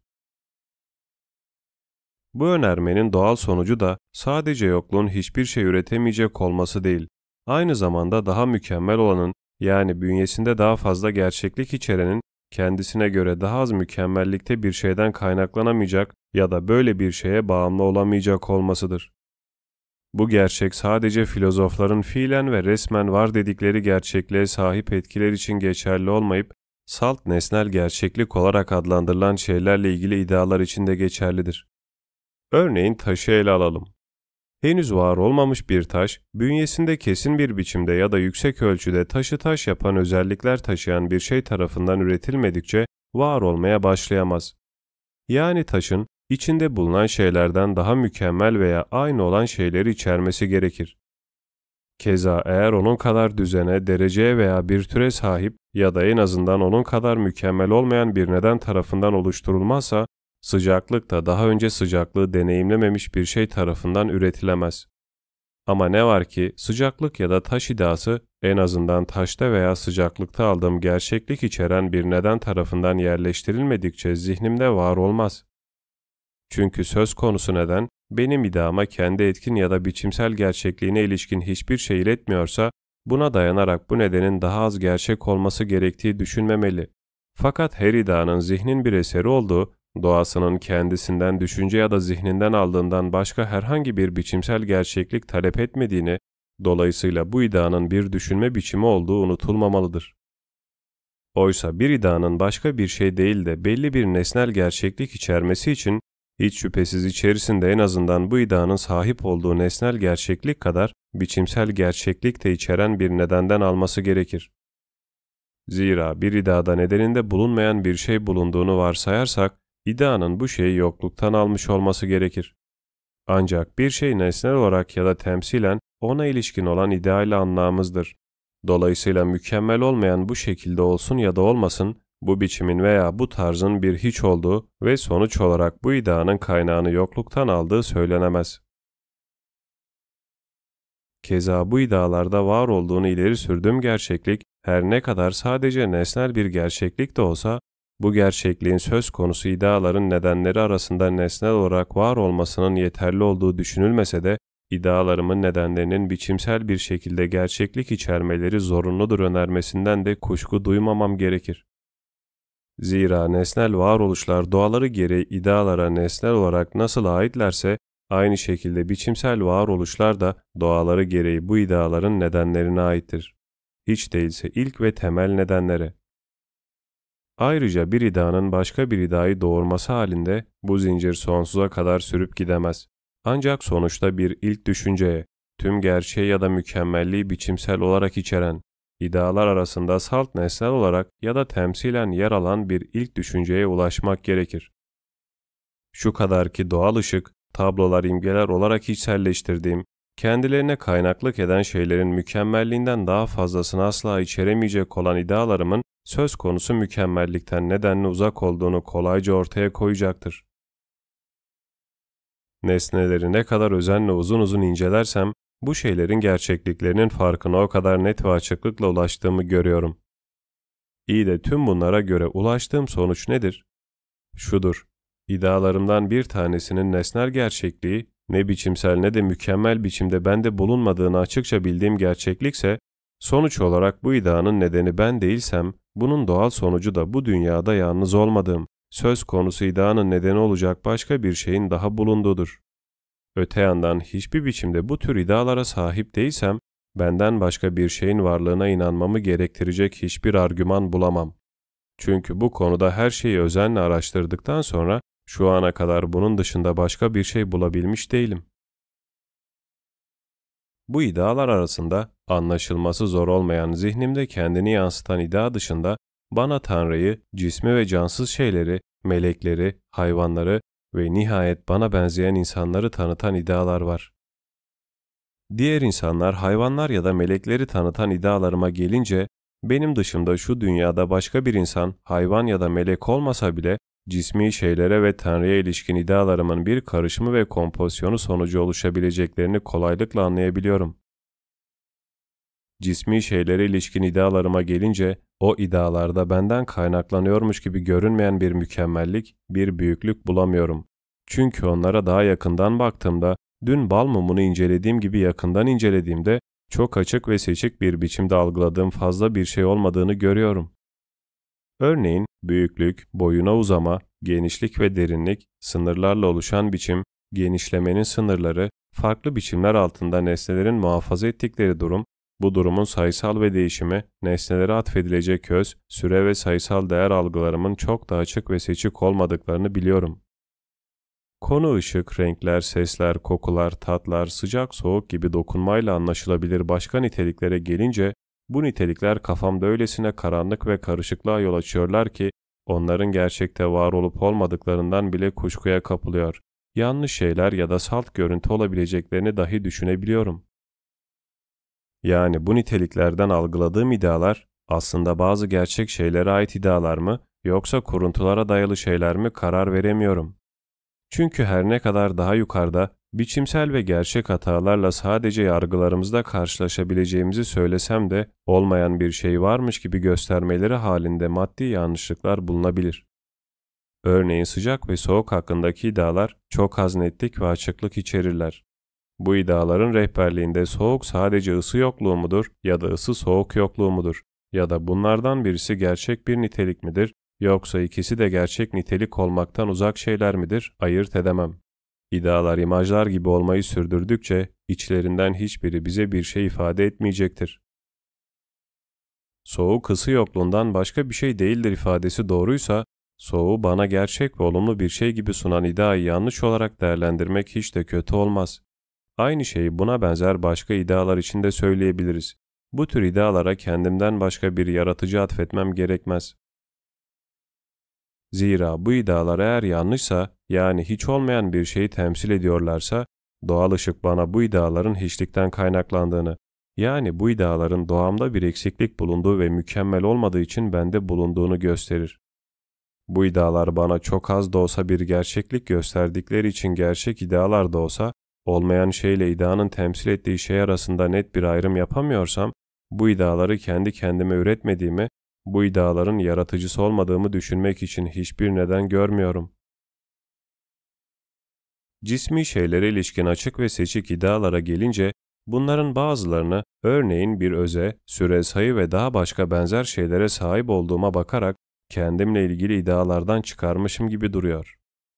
Zira kendimin de bir öz olduğuna bakarak taşın da bir öz olduğunu ya da kendi kendine var olabilme yeteneğine sahip herhangi bir şeyi düşündüğümde her ne kadar ben düşünen ve uzamlı olmayan, taş ise uzamlı ama düşünemeyen bir şeyse ve bu iki kavram arasında hatırı sayılır farklılıklar söz konusuysa yine de bir öze sahip olmaları bağlamında birbirine benzetilmeleri, birbirleriyle bu bağlamda karşılaştırılmaları uygundur. Keza şu anda var olduğumu düşündüğümde, şu an olduğu gibi daha önce de var olduğumu anımsadığımda, sayılarını bile bildiğim birçok farklı düşünceyi algıladığımda, süre ve sayısal değerlere ilişkin iddiaları içselleştirmiş olurum ve bunları daha sonra istediğim her şeye uygulayabilirim. Cismi şeylerin uzam, biçim, durum, devinim gibi diğer niteliklerine ilişkin iddialara gelince, sadece düşünen bir şey olmam nedeniyle biçimsel olarak bende var olmadıkları bir gerçektir. Ama ne var ki bu niteliklerin sadece belli bir öz biçimi olmaları, altında cismi özü görebildiğimiz giysilere benzemeleri ve benim de sonuçta bir öz olmam nedeniyle bu nitelikleri üst düzeyde içselleştirebilirmişiz gibi görünüyor. Geriye benden kaynaklanmayan bir yana sahip olup olmadığının araştırılması gereken Tanrı iddiası kalıyor. Tanrı adıyla ben sonsuz, ezeli, değişmez, bağımsız, her şeyi bilen, her güce sahip, beni ve benim dışımdaki her şeyi yaratmış olan bir özü anlıyorum. Bu özellikler o kadar büyük ve yüce özellikler ki, bu nitelikleri incelemek için gösterdiğim özen ve dikkatin artması oranında, bu niteliklere ilişkin ideanın salt benden kaynaklanabilecek olmasına olan inancım azalıyor. Dolayısıyla daha önce söylemiş olduğum her şeyden Tanrı'nın var olduğu yargısına ulaşmak zorunluluğu doğuyor. Zira bir öz iddiasına sahip olmama ve buna bağlı olarak benim de bir öz olmama karşın sonlu bir varlık olarak gerçekten sonsuz bir öz tarafından bana verilmedikçe sonsuz bir öz iddiasına sahip olamam. Öte yandan sonsuzluk iddiasını gerçek bir iddiadan değil, hareketsizlik ve karanlık iddiasını hareket ve ışık iddiasının olumsuz olarak algılamam gibi sonlu olmanın olumsuz olarak düşünmek zorunda değilim. Aksine sonsuz özde sonlu özden daha fazla gerçeklik olduğunu açıkça gördüğümden ben de sonlu iddianın sonsuzluk iddiasını bir şekilde öncelediğini yani Tanrı'nın beni öncelediğini algılamaktayım. Öyle olmasa içimde benden daha mükemmel bir varlık iddiası olmasa, o varlıkla karşılaştırarak kendi doğamın hata ve eksikliklerini görüyor olmasam, kuşku duyduğumu ya da arzuladığımı, yani bende bir şeylerin eksik olduğunu ve mükemmel olmadığımı bile bilmem nasıl mümkün olabilir? Dahası, Tanrı iddiası maddi olarak yanlıştır. Dolayısıyla bu iddiayı ancak yokluktan alabilirim. Yani daha önce de sıcak, soğuk ve benzeri konularda da söylediğim gibi bazı eksiklere ve yanlışlara sahip olduğum için bu iddianın bende olduğu da söylenemez. Zira bu iddia çok açık ve çok net olması ve başka bir şeye göre çok daha fazla nesnel gerçeklik içermesi nedeniyle ne bundan daha gerçek ne de hata ve yanlışlıktan daha az kuşkulanılabilecek şey bulunabilir. Bu en yüce mükemmellik ve sonsuzluk iddiası tümüyle gerçektir. Zira böyle bir varlık yoktur biçiminde bir şey ileri sürülecek olsa bile böyle bir varlığa ilişkin iddianın tıpkı soğuk konusunda söylediğim gibi bana gerçek bir şey sunmadığı ileri sürülemez. Tanrı iddiası, zihnim gerçek olan şeyleri ne kadar açık ve seçik bir şekilde kavradığından en az onlar kadar açık ve seçik olarak kavradığım bir iddiadır. Kendi içinde mükemmellik içeren her şeyde tümüyle bu iddianın içindedir. Üstelik sonsuzluğu kavrayamasam da Tanrı kavramında anlayamayacağım, hatta düşünerek erişemeyeceğim şeylerin sonsuzluğu bulunsa da bu iddia gerçek olmayı sürdürür. Çünkü bu iddia doğası nedeniyle sonlu ve kısıtlı olan doğam tarafından anlaşılamaz. Şunu da anlasam aslında yeterli olur. Açık ve net bir şekilde algıladığım ve içinde bir mükemmellik bulunduğuna inandığım bütün şeyler ile muhtemelen bilmediğim sonsuzluğa sahip diğer şeyler de Tanrı'da biçimsel ve en üst düzeyde bulunurlar. Böylece sahip olduğum iddia, zihnimde bulunan bütün iddiaların en gerçeği, en belirgini ve en neti olur. Ama ben belki de düşündüğümden daha fazla bir şeyim ve Tanrı'nın doğasına atfettiğim onca mükemmellik her ne kadar kendilerini halen üretmiyor ve eylemleriyle kendilerini göstermiyorlarsa da bir şekilde benim gücüme tabi şeylerdir. Aslında bilgimi artırıp adım adım mükemmelliğe ulaştığını görmekteyim. Bilgi dağarcığımın sonsuza kadar artmasını engelleyebilecek bir şey de görmüyorum. Dolayısıyla kendimi geliştirip mükemmelleştikçe kutsal doğaya ait mükemmellikleri de bu yolla edinebileceğimi, bunun önünde de bir engel olmadığını, bu mükemmellikleri edinebilme gücüne sahip olduğuma göre yani bu mükemmellikler bende de varsa kendi iddialarını bana geçirip iz bırakabileceklerini de düşünmüyor değilim. Bununla birlikte bu konuya daha yakından baktığımda bu söylediklerimin gerçekleşmeyeceklerini görüyorum. Çünkü ilk olarak diyelim ki bilgimin mükemmelleşme düzeyi her gün artmakta da olsa doğamda henüz kendini etkin kılamamış fakat bu potansiyele sahip birçok şey olsa da Tanrı iddiasına henüz ne yaklaşabilmiş ne de ona dahil olabilmiştim. Kaldı ki bilgi düzeyimin bu şekilde derece derece yavaş yavaş artıyor olması mükemmellikten uzak olmamın en kesin ve en yanılmaz kanıtı değil midir? Dahası bilgim yavaş yavaş artıyor olsa da daha yüksek bir artış elde edemeyeceği noktaya ulaşamayacağından gerçekten sonsuz olamayacağına inanmayı bırakamazdım. Oysa ben Tanrı'yı şu anda zaten çok üst düzeyde bir sonsuzluk olarak algılıyorum. Yani sahip olduğu o yüce mükemmelliğe hiçbir şeyin eklenmesi gerekmiyor. Ayrıca çok güçlü bir biçimde kavradığım şeylerden biri de salt gizli bir güç halinde olan bir şeyden asla bir idanın nesnel varlığının doğmayacağı. Açıkça ifade edersek bunun bir hiçlik olduğu, bir idanın nesnel varlık olarak ortaya çıkabilmesinin ancak fiilen ya da etkin olan bir şeyden kaynaklanabileceğidir. Biraz önce söylediklerimde bu konu hakkında özenle düşünmek isteyenlerin doğanın ışığıyla bile kolayca kavrayamayacağı şeyler olduğunu sanmıyorum. Ama ne var ki dikkatim dağılır, zihnim karanlıkta kalır, somut cisimlerin görüntüleriyle körleşirsem benden daha mükemmel bir varlığın kendi mükemmelliğine ilişkin bu iddiayı bana neden vermiş olduğunu kolayca anımsayamaz hale gelirim. Bu nedenle Tanrı iddiası taşıyan ben, acaba Tanrı olmasaydı var olabilir miydim sorusunu ele almak istiyor ve varoluşumu kime borçlu olduğumu soruyorum. Varoluşumu belki kendime, belki ebeveynime, belki de onun kadar mükemmel ya da ona eşit bir varlık düşünemeyeceğimiz için Tanrı kadar mükemmel olmayan başka bir şeye borçluyum diyelim. her şeyden bağımsızsam, kendi varlığımın yaratıcısı bensem, kuşkusuz hiçbir şeyden kuşku duymaz, hiçbir şey arzulamazdım. Sonuç olarak da her türlü mükemmelliğe sahip olurdum. Çünkü bende fikren var olan her şeyi kendime verebilirdim. Yani Tanrı olurdum. Üstelik o an için eksikliğini duyduğum şeylerin o ana kadar sahip olduklarıma göre kazanımı daha zor şeyler olduklarını asla düşünmek zorunda olmazdım. Çünkü düşünen bir öz olarak yoktan var olmam, benim bilmediğim ve bu özle ilintili olmaktan başka bir şey olmayacak şeylere ilişkin ışık ve bilgiyi kavramaktan kuşkusuz çok daha zor olurdu.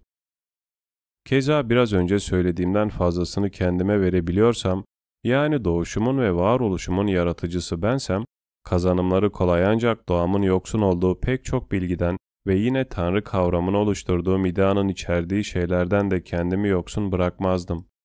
Çünkü kazanımı bana zor gelen hiçbir şey olmazdı.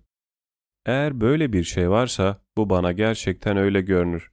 Sahip olduklarımın dışında her şeyin kendimde olduğunu varsayalım. Böylece gücümün bu noktada bittiğini, bana zor gelene ulaşamayacağımı anlamış olurdum. Ama belki her daim şimdi olduğum gibi olduğumu varsaysam bile bu akıl yürütmeden kaçınamam ve Tanrı'nın varoluşumun yaratıcısı olması gerekmediği sonucunu çıkartamam. Zira tüm hayatım hiçbir biçimde birbirine bağımlı olmayan sonsuz parçaya bölünebilir. Bu noktadan hareketle de eğer o anda bir neden beni üretmiyor, yaratmıyorsa, deyim yerindeyse beni muhafaza etmiyorsa, bir süre önce var olmuş olmamdan şu anda var olacağım sonucuna varamayız. Aslında zamanın doğasını dikkatle inceleyenler için bir özün yaşamını sürdürdüğü tüm anlarda muhafaza edilebilmesi için bu özün kendisini yaratan güce ve o özün sanki hiç olmamış gibi tekrar yaratılması için gereken etkinliğe ihtiyacı olduğu çok açık ve çok bellidir. Öyle ki özün muhafazası ve yaratılması kavramlarının sadece bizim bakış açımıza, düşünme biçimimize göre farklılık arz ettiklerini ama aslında aynı şey olduklarını doğal ışık bize çok açık bir biçimde göstermektedir. Dolayısıyla bu noktada beni şu anda olduğum gibi gelecekte de aynen devam ettirmeye, beni olduğum gibi yeniden yaratmaya muktedir bir gücüm, bir erdemim olup olmadığını sorgulamak durumundayım. Zira sadece düşünen bir şey olduğundan ya da en azından bu noktaya kadar varlığımın bu kısmının dışında başka bir şey söz konusu olmadığından böyle bir güce sahipsem en azından bu güç üzerine düşünür, bu gücü tanırdım. Ama ben kendimde böyle bir şey hissetmiyorum. Dolayısıyla da benden farklı başka bir güce bağımlı olduğumu çok iyi biliyorum. Ama belki de bağımlı olduğum, Tanrı diye adlandırmadığım beni yaratan bu şey, ebeveynim ya da Tanrı kadar mükemmel olmayan başka bir şey olamaz mı? Öyle ya da böyle, böyle bir şey olamaz.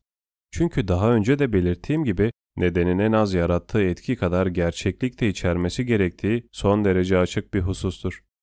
Bu noktadan hareketle madem ki ben düşünen bir şeyim ve bir tanrı iddiasına sahibim, benim doğama atfedilecek neden ne olursa olsun, benzer şekilde düşünen ve kutsal doğaya atfettiğim tüm mükemmelliklerin iddiasını bünyesinde barındıran bir şey olmak zorundadır.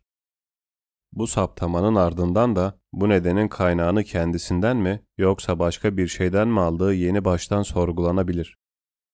Zira eğer bu neden kaynağını kendisinden almaktaysa daha önce ileri sürdüğüm nedenlere bağlı olarak Tanrı olmak durumunda olup var olma ve kendini yaratma erdemine sahip olması nedeniyle de algıladığı tüm idealara yani benim Tanrı'da bulunduğunu düşündüğüm tüm idealara ilişkin mükemmelliklere sahip olma gücünü de hiç kuşkusuz taşımak zorundadır. Yok eğer bu neden kaynağını kendi dışında bir güçten almaktaysa, bu kez aynı akıl yürütmeyle bu ikinci neden sorgulanacak, bu nedenin kaynağını kendisinden mi yoksa başka bir şeyden mi aldığı araştırılacak, böylece derece derece yükselerek sonunda son nedene yani Tanrı'ya ulaşılacaktır. Burada beni yaratandan çok şu anda beni muhafaza edenden söz ettiğimize göre de bu akıl yürütmenin sonsuza kadar sürdürülemeyeceği de çok açıktır. Öte yandan benim varoluşumda bir değil birkaç nedenin rol oynadığını, Tanrı'ya atfettiğim mükemmelliklerin bir tanesine dair olan iddiayı bunların bir tanesinden, diğerinin iddiasını da başka bir tanesinden edindiğimi, tüm mükemmelliklerin evrenin bir yerlerinde bulunduğu ama bunların tek bir Tanrı oluşturacak biçimde bir araya gelemediklerini varsayamayız. Çünkü Tanrı'da bulunan her şeyin bütünlüğü, yalınlığı ya da bölünemezliği, Tanrı'da olduğunu düşündüğüm tüm mükemmelliklerden bir tanesidir. Tanrı'nın bütün mükemmelliklerinin bir arada ve birleşmiş olma iddiası, diğer mükemmelliklerle ilgili hiçbir iddiaya sahip olmadığım bir neden tarafından bana verilmiş olamaz. Zira bu neden bu mükemmelliklerin ne olduklarını bilmemi sağlamadan ve onları bir şekilde tanıtmadan bu mükemmelliklerin bütünlük ve bölünmezliklerini anlamamı sağlayamazdı. Yaratılışımın nedeni olan ebeveynime gelince her şeye hala inanamıyor olmam doğru olsa da bunlar beni muhafaza eden, benim düşünen bir varlık olarak ortaya çıkmama neden olanın ebeveynim olduğu anlamına gelmez. Bu konuda yaptıkları tek şey benim yani zihnimin artık kendimi sadece onunla özdeşleştiriyorum, içinde bulunan maddeye bazı eğilimler yerleştirmiş olmalarıdır. Dolayısıyla bu bağlamda onlarla ilgili herhangi bir zorlukla karşılaşacak değiliz. Fakat bu durumdan var olduğum, ben de en yüce biçimde mükemmellik yani Tanrı iddiasının bulunduğu ve Tanrı'nın var olduğunun açıkça kanıtlanmış olduğu sonucuna varmamız gerekir. Geriye sadece bu iddiayı nasıl edindiğimi araştırmak kalıyor. Çünkü bazı somut şeyler duyularıma hitap ediyor ya da öyleymiş gibi görünüyor olsalar da ben bu iddiaya duyular yoluyla ulaşmadım. Ya da bu somut şeylerin iddialarının normalde yaptıkları gibi karşıma beklenmedik bir şekilde de çıkmadı. Ayrıca zihnimin bir ürünü veya uydurması da değil. Çünkü bu yüceliğe ne bir şey ekleyebilir ne de ondan herhangi bir şey çekip alarak değerini düşürebilirim. Dolayısıyla bu konuda söylenebilecek tek şey bu iddianın tıpkı kendimle ilgili iddiada olduğu gibi doğuşum yaratılışımla birlikte doğmuş, benimle birlikte üretilmiş olduğudur. Bir ustanın ürettiği şeye markasını vurması gibi Tanrı'nın da beni yaratırken bu iddiayı içime koyması hiç de şaşırtıcı değildir. Ayrıca bu imzanın söz konusu eserden farklı olmasına da gerek yoktur. Öte yandan salt Tanrı tarafından yaratılmış olmanın sonucu olarak onun beni bir şekilde yaratmış olması ve benim de içinde Tanrı iddiasını bulunduran bu benzerliği kendimi kavramamı sağlayan aynı niyetiyle algılamam oldukça inandırıcıdır. Başka bir deyişle kendim hakkında düşüncelere daldığımda sadece mükemmellikten uzak, kusurlu, tamamlanmamış, başkasına bağımlı, olduğundan daha mükemmel, daha büyük bir şeyi arzulayan ve onun peşinden giden bir şey olduğumu değil, aynı zamanda bağımlı olduğum varlığın özlem duyduğum bütün mükemmellik ve yüceliklerini bünyesinde barındırdığını, bu mükemmelliklere ilişkin idealara tanımsız ve sadece olarak değil, fiilen ve sonsuz bir biçimde sahip olduğumu görüyor, dolayısıyla bu varlığın Tanrı olduğunu anlıyorum. Dahası Tanrı'nın varlığını kanıtlamak için kullandığım argümanın güçlü tarafı, Tanrı gerçekten var olmasaydı, doğamın şimdi olduğu gibi olmasının ve bir Tanrı iddiasına sahip olmamın imkansız olacağını bilmemdi.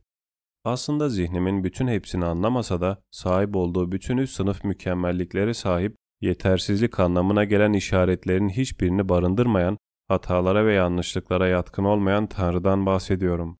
Ve bu Tanrı iddiası bende mevcuttur. Buradan çıkan en açık ve kesin sonuç ise Tanrı'nın aldatıcı olmayacağıdır. Çünkü doğal ışık, aldatıcılığın bir eksikliğin kusurlu oluşun sonucu olduğunu bize göstermiştir. Bu olguyu daha yakından inceleyip buradan hareketle derlenebilecek diğer hakikatlere geçmeden önce kısmen şaşkına dönmüş zihnimin gücü el verdiği kadar Tanrı'yı derinlemesine düşünmek, onun harika özellikleri üzerine acele etmeden düşünüp taşınmak, bu parlak ışığın güzelliğine tapmak, hayran olmak ve ölçüp biçmek için biraz durup para vermem yerinde olacak gibime geliyor. Çünkü inancımızın öteki yaşamdaki en yüce mutluluğun bu kutsal görkemi seyretmek olduğunu bize gösterdiği gibi her ne kadar bu mükemmellikle kıyaslanamazsa da benzer bir meditasyonla bu dünyada böyle bir mutluluğu yaşayıp yaşayamayacağımızı deneyimleyebiliriz. Dördüncü meditasyon Doğru ve yanlış hakkında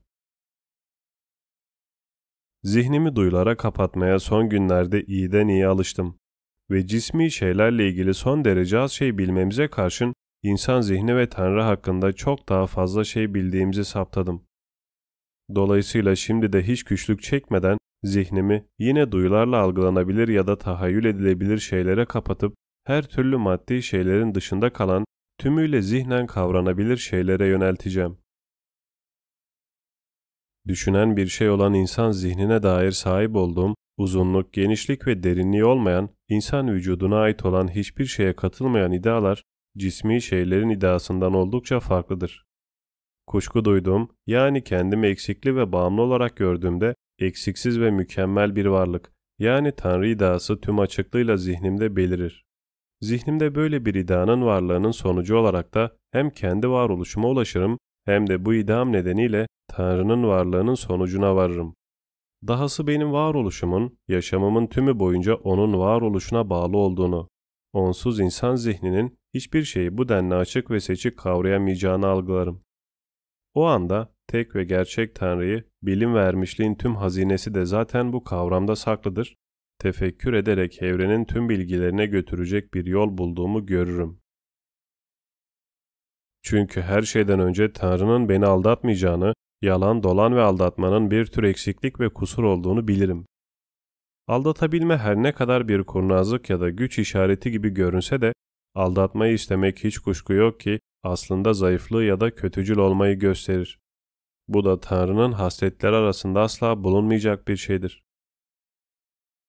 İkincisi sahip olduğum tüm yeteneklerim gibi Tanrı tarafından bahşedilmiş bir yargı gücüne sahip olduğumu görmekteyim. Tanrı beni aldatıp kandırmak istemeyeceğine göre bu yeteneğimi gerektiği gibi kullanabilmem halinde asla yanılgıya düşmemem için vermiş olduğundan da hiç kuşkum yok. Buradan hiçbir zaman yanılgıya düşmeyeceğim biçiminde bir sonuç çıkmasaydı bu konuda herhangi bir kuşkuya yer kalmazdı. Zira sahip olduğum her şeyi Tanrı'dan almışsam ve bana yanılgıya düşmeme gücü vermemişse o zaman asla kendimi kandıramam, asla yanılgıya düşmemem gerekir. İşin gerçeği Tanrı'yı düşündüğümde kendimde herhangi bir yanlışlık ya da hata kaynağı bulamıyorum. Ama ne var ki kendime döndüğümde deneyimlerim bana sonsuz sayıda hata yaptığımı ve yapabileceğimi gösteriyor.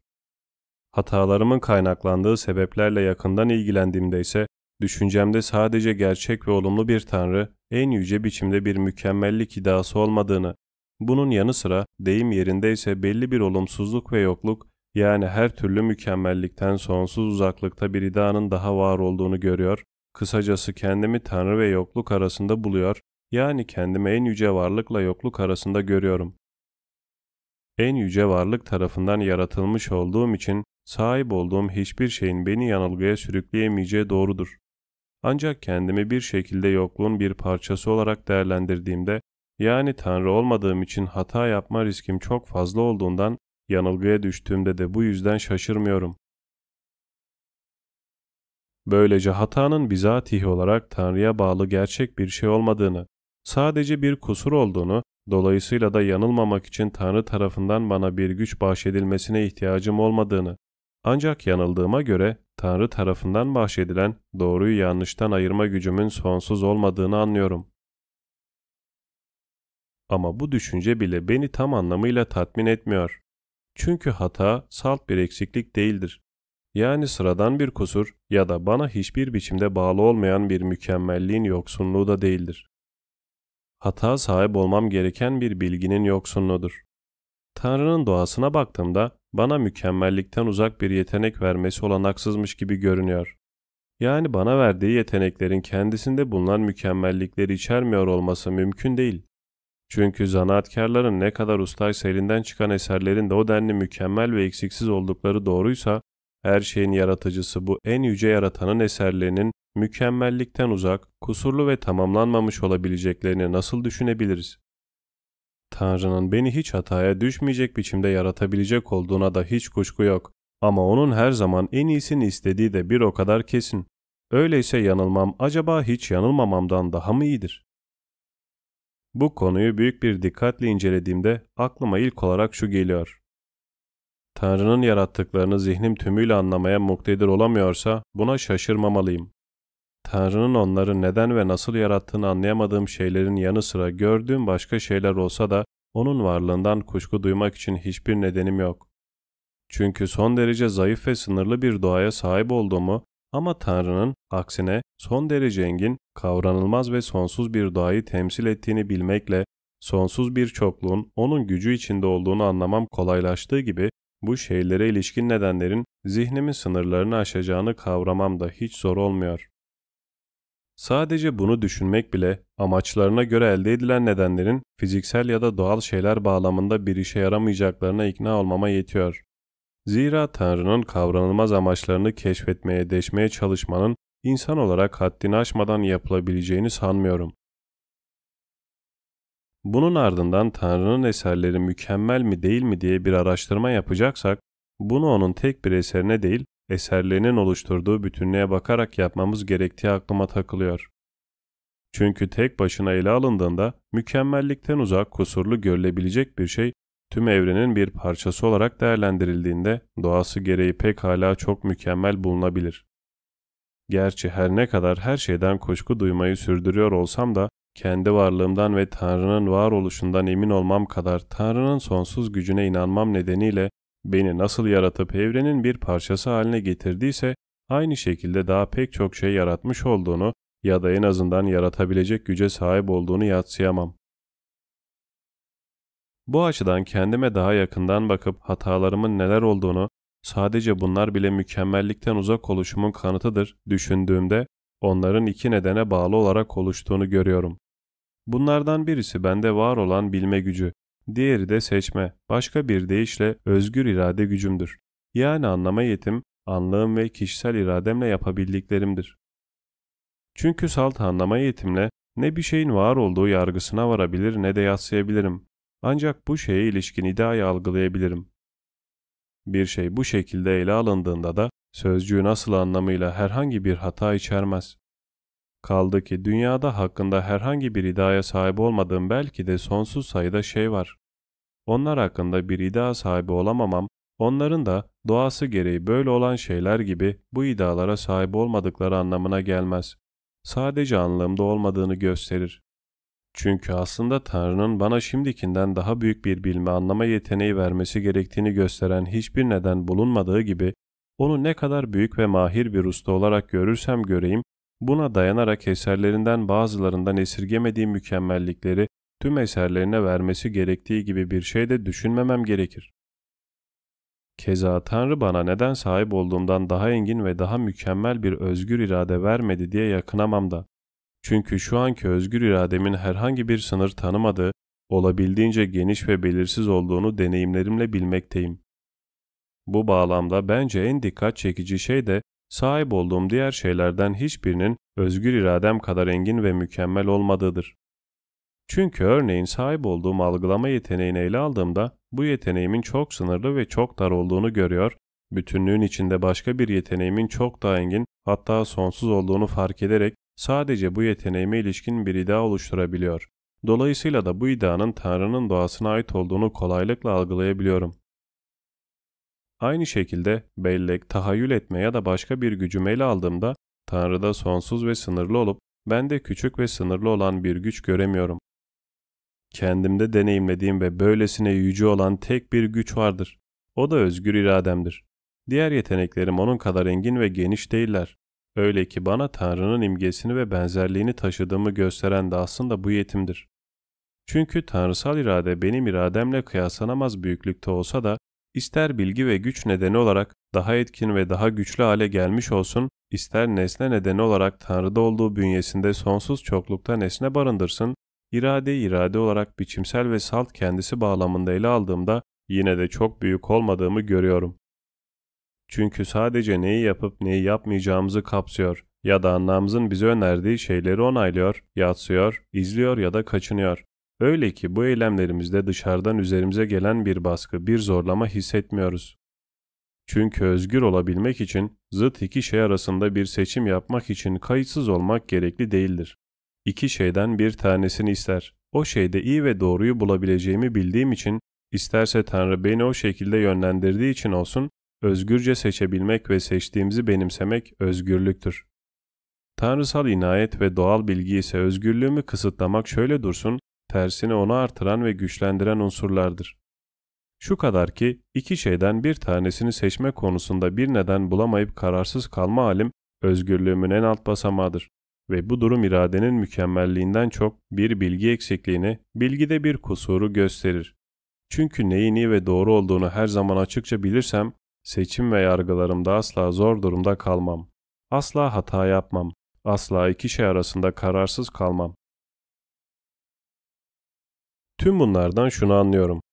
Hatalarımın nedeni ne Tanrı'dan aldığım isteme yetisi, zira bu kendi içinde oldukça kapsamlı ve mükemmeldir, ne de algılama kavrama gücümdür. Yine Tanrı'nın lütfu olan bu yeteneğim sayesinde salt algılama gücümle algılayabiliyorum. Üstelik algıladıklarımı da olması gerektiği gibi algılıyorum. Dolayısıyla bu yeteneğimin de beni yanıltması söz konusu olamaz. Tamam da o zaman hatalarım nereden kaynaklanıyor? Hatalarım irademin anlamından daha geniş ve daha engin olmasından kaynaklanıyor. Hatalarımın tek nedeni bu. İrademe idrakimle aynı sınırlar içerisinde egemen olamıyorum. İrademi anlamadığım şeylere doğru da genişletebilirim. Oysa iradem bu tür şeylere karşı özünde kayıtsız olduğundan iyi ile kötü, doğru ile yanlış arasında kolaylıkla yolundan sapabiliyor. İşte bu da beni hata ya da günaha sürüklüyor. Örneğin şu son günlerde dünyada neler olduğunu incelerken sadece incelemekte olduğumu bilirim. Bunu bilmemin açık sonucu var olduğumdur. Bu inceleme sırasında herhangi bir dış baskı olmaksızın net bir biçimde algıladığım bir şeyin gerçek olduğu yargısına varmaktan da kendimi alamam. Ama ne var ki burada olup biten şey anlamdaki net bir aydınlanmanın irademde derin bir eğilime yol açmış olması ve beni kayıtsız kalmayıp büyük bir özgürlükle davrandığıma ikna etmiş olmasıdır. Aksine şimdi sadece düşünen bir varlık olarak var olduğumu bilmekle kalmıyor, zihnimde cismi doğaya ilişkin bir iddia da canlandırıyorum. Bu da beni, bu düşünen doğa bende olan bir şey midir, yoksa bu düşünen doğa aracılığıyla mı ben ben olmaktayım, bu cismi doğadan farklı bir şey miyim, yoksa bunların her ikisi de aynı şey midir noktasında kuşkuya kapılmama yol açıyor. Dahası bu noktada beni şunun ya da bunun doğruluğuna ikna edecek herhangi bir nedene de sahip değilim. Bu da beni reddetmek ya da kabullenmek arasında tümüyle kararsız, başka bir deyişle bir yargıya varmaktan kaçınır hale getiriyor. Üstelik bu kararsızlık sadece anlamın haklarında herhangi bir bilgi sahibi olmadığı şeyleri kapsamakla kalmıyor. İradenin hüküm vermesi anında zihnimin tam bir netlikle keşfedemediği şeyleri de kapsıyor. Çünkü öngörüler ne kadar olası olurlarsa olsunlar beni bir şeye yargılamaya yöneltirler. Yani kesin ve kuşku duyulmaz nedenlere dayanmayan sadece öngörü niteliğindeki bir bilgi bile ters bir yargıya varmama yol açabilir. Daha önce doğru bulduğum her şeyin sadece onlardan kuşku duyduğum için yanlış olduklarını düşünerek son günlerde bu söylediklerimi yeterince sınama olanağı buldum. Açık ve net bir biçimde algılayamadığım bir şey hakkında yargıya varmaktan kaçınırsam, onu doğru bir şekilde kullanmışım demektir. Dolayısıyla da yanılmış olmam. Fakat o şeyi reddetme ya da kabul yönünde bir karara varacak olursam, özgür irademle yapmam gerekeni yapmıyorum demektir. Bu şeyin gerçek olmadığını garanti edersem yanılmış olacağım bellidir. Gerçeğe göre yargıya vardığımda keza bu da rastlantısal olur ve yanılgıdan kurtulamadığım gibi özgür irademi de kötüye kullanmış olurum. Zira doğal ışık bize anlığımızdaki bilginin irademizin yargısından önce geldiğini göstermektedir. Hataya yol açan bilgi yoksunluğu özgür iradenin işte bu kötüye kullanımında saklıdır. Yoksunluk benden kaynaklandığı ölçüde eylemin içindedir, eyleme dahildir. Ne Tanrı'nın bahşettiği güçte saklıdır, ne de Tanrı'ya bağlı bir eylemle ilgilidir. Çünkü işin doğrusu Tanrı bana neden daha büyük bir anlama yeteneği vermedi ya da sahip olduğumdan daha büyük ve aydınlık bir doğal ışık neden bahşetmedi diye şikayet etmeye hakkım yok. Zira pek çok şeyi anlamamak sınırlı anlığa özgüdür. Sınırlı olarak yaratılmış olmak da anlağın doğasıdır. Ama ne var ki sahip olduğumuz her şey için Tanrı'ya şükran duymamız gerekir. Zira bize herhangi bir şey vermek gibi bir zorunluluğu yokken sınırlı da olsa mükemmelliğinden pek çok şey vermiştir. Dolayısıyla bana şunu vermedi ya da şu kadar vermekle haksızlık ettiği gibi şikayetlerde bulunmakla Tanrı'ya haksızlık etmiş oluruz. Ayrıca anlığımdan daha engin bir irade vermiş olduğu için de şikayet etmeye hakkım yok. Zira irade bölünemez bir bütünlüktür. Dolayısıyla iradeyi parçalamadan içinden bir kısmını çekip almak mümkün değildir.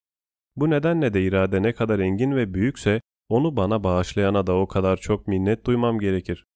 Son olarak da bu iradenin eylemlerini oluşturma bağlamında kendi yargılarımla yaptığım eylemlerin beni yanıltması, Tanrı'ya bağlı olanlarınsa baştan sona doğru ve kesinlikle iyi olmaları nedeniyle Tanrı ile aramızda bir yarış olmasından da hiçbir biçimde şikayetçi olmamam gerekir. Zira bu durum bu eylemleri yapma yeteneğinden mahrum olmama kıyasla doğamın daha da mükemmel olmasını sağlamaktadır. Sadece hataların ve günahların kesin nedeninin oluştuğu yoksunluğa gelince bir şey ya da bir varlık olmaması ve nedeninin Tanrı'ya bağlanması halinde okulun kabul ettiği anlamlarıyla yoksunluk olarak değil de olumsuzluk olarak adlandırılacak olması sebebiyle yukarıda andığımız manada Tanrı ile olan yarışımızla hiçbir ilintisi yoktur.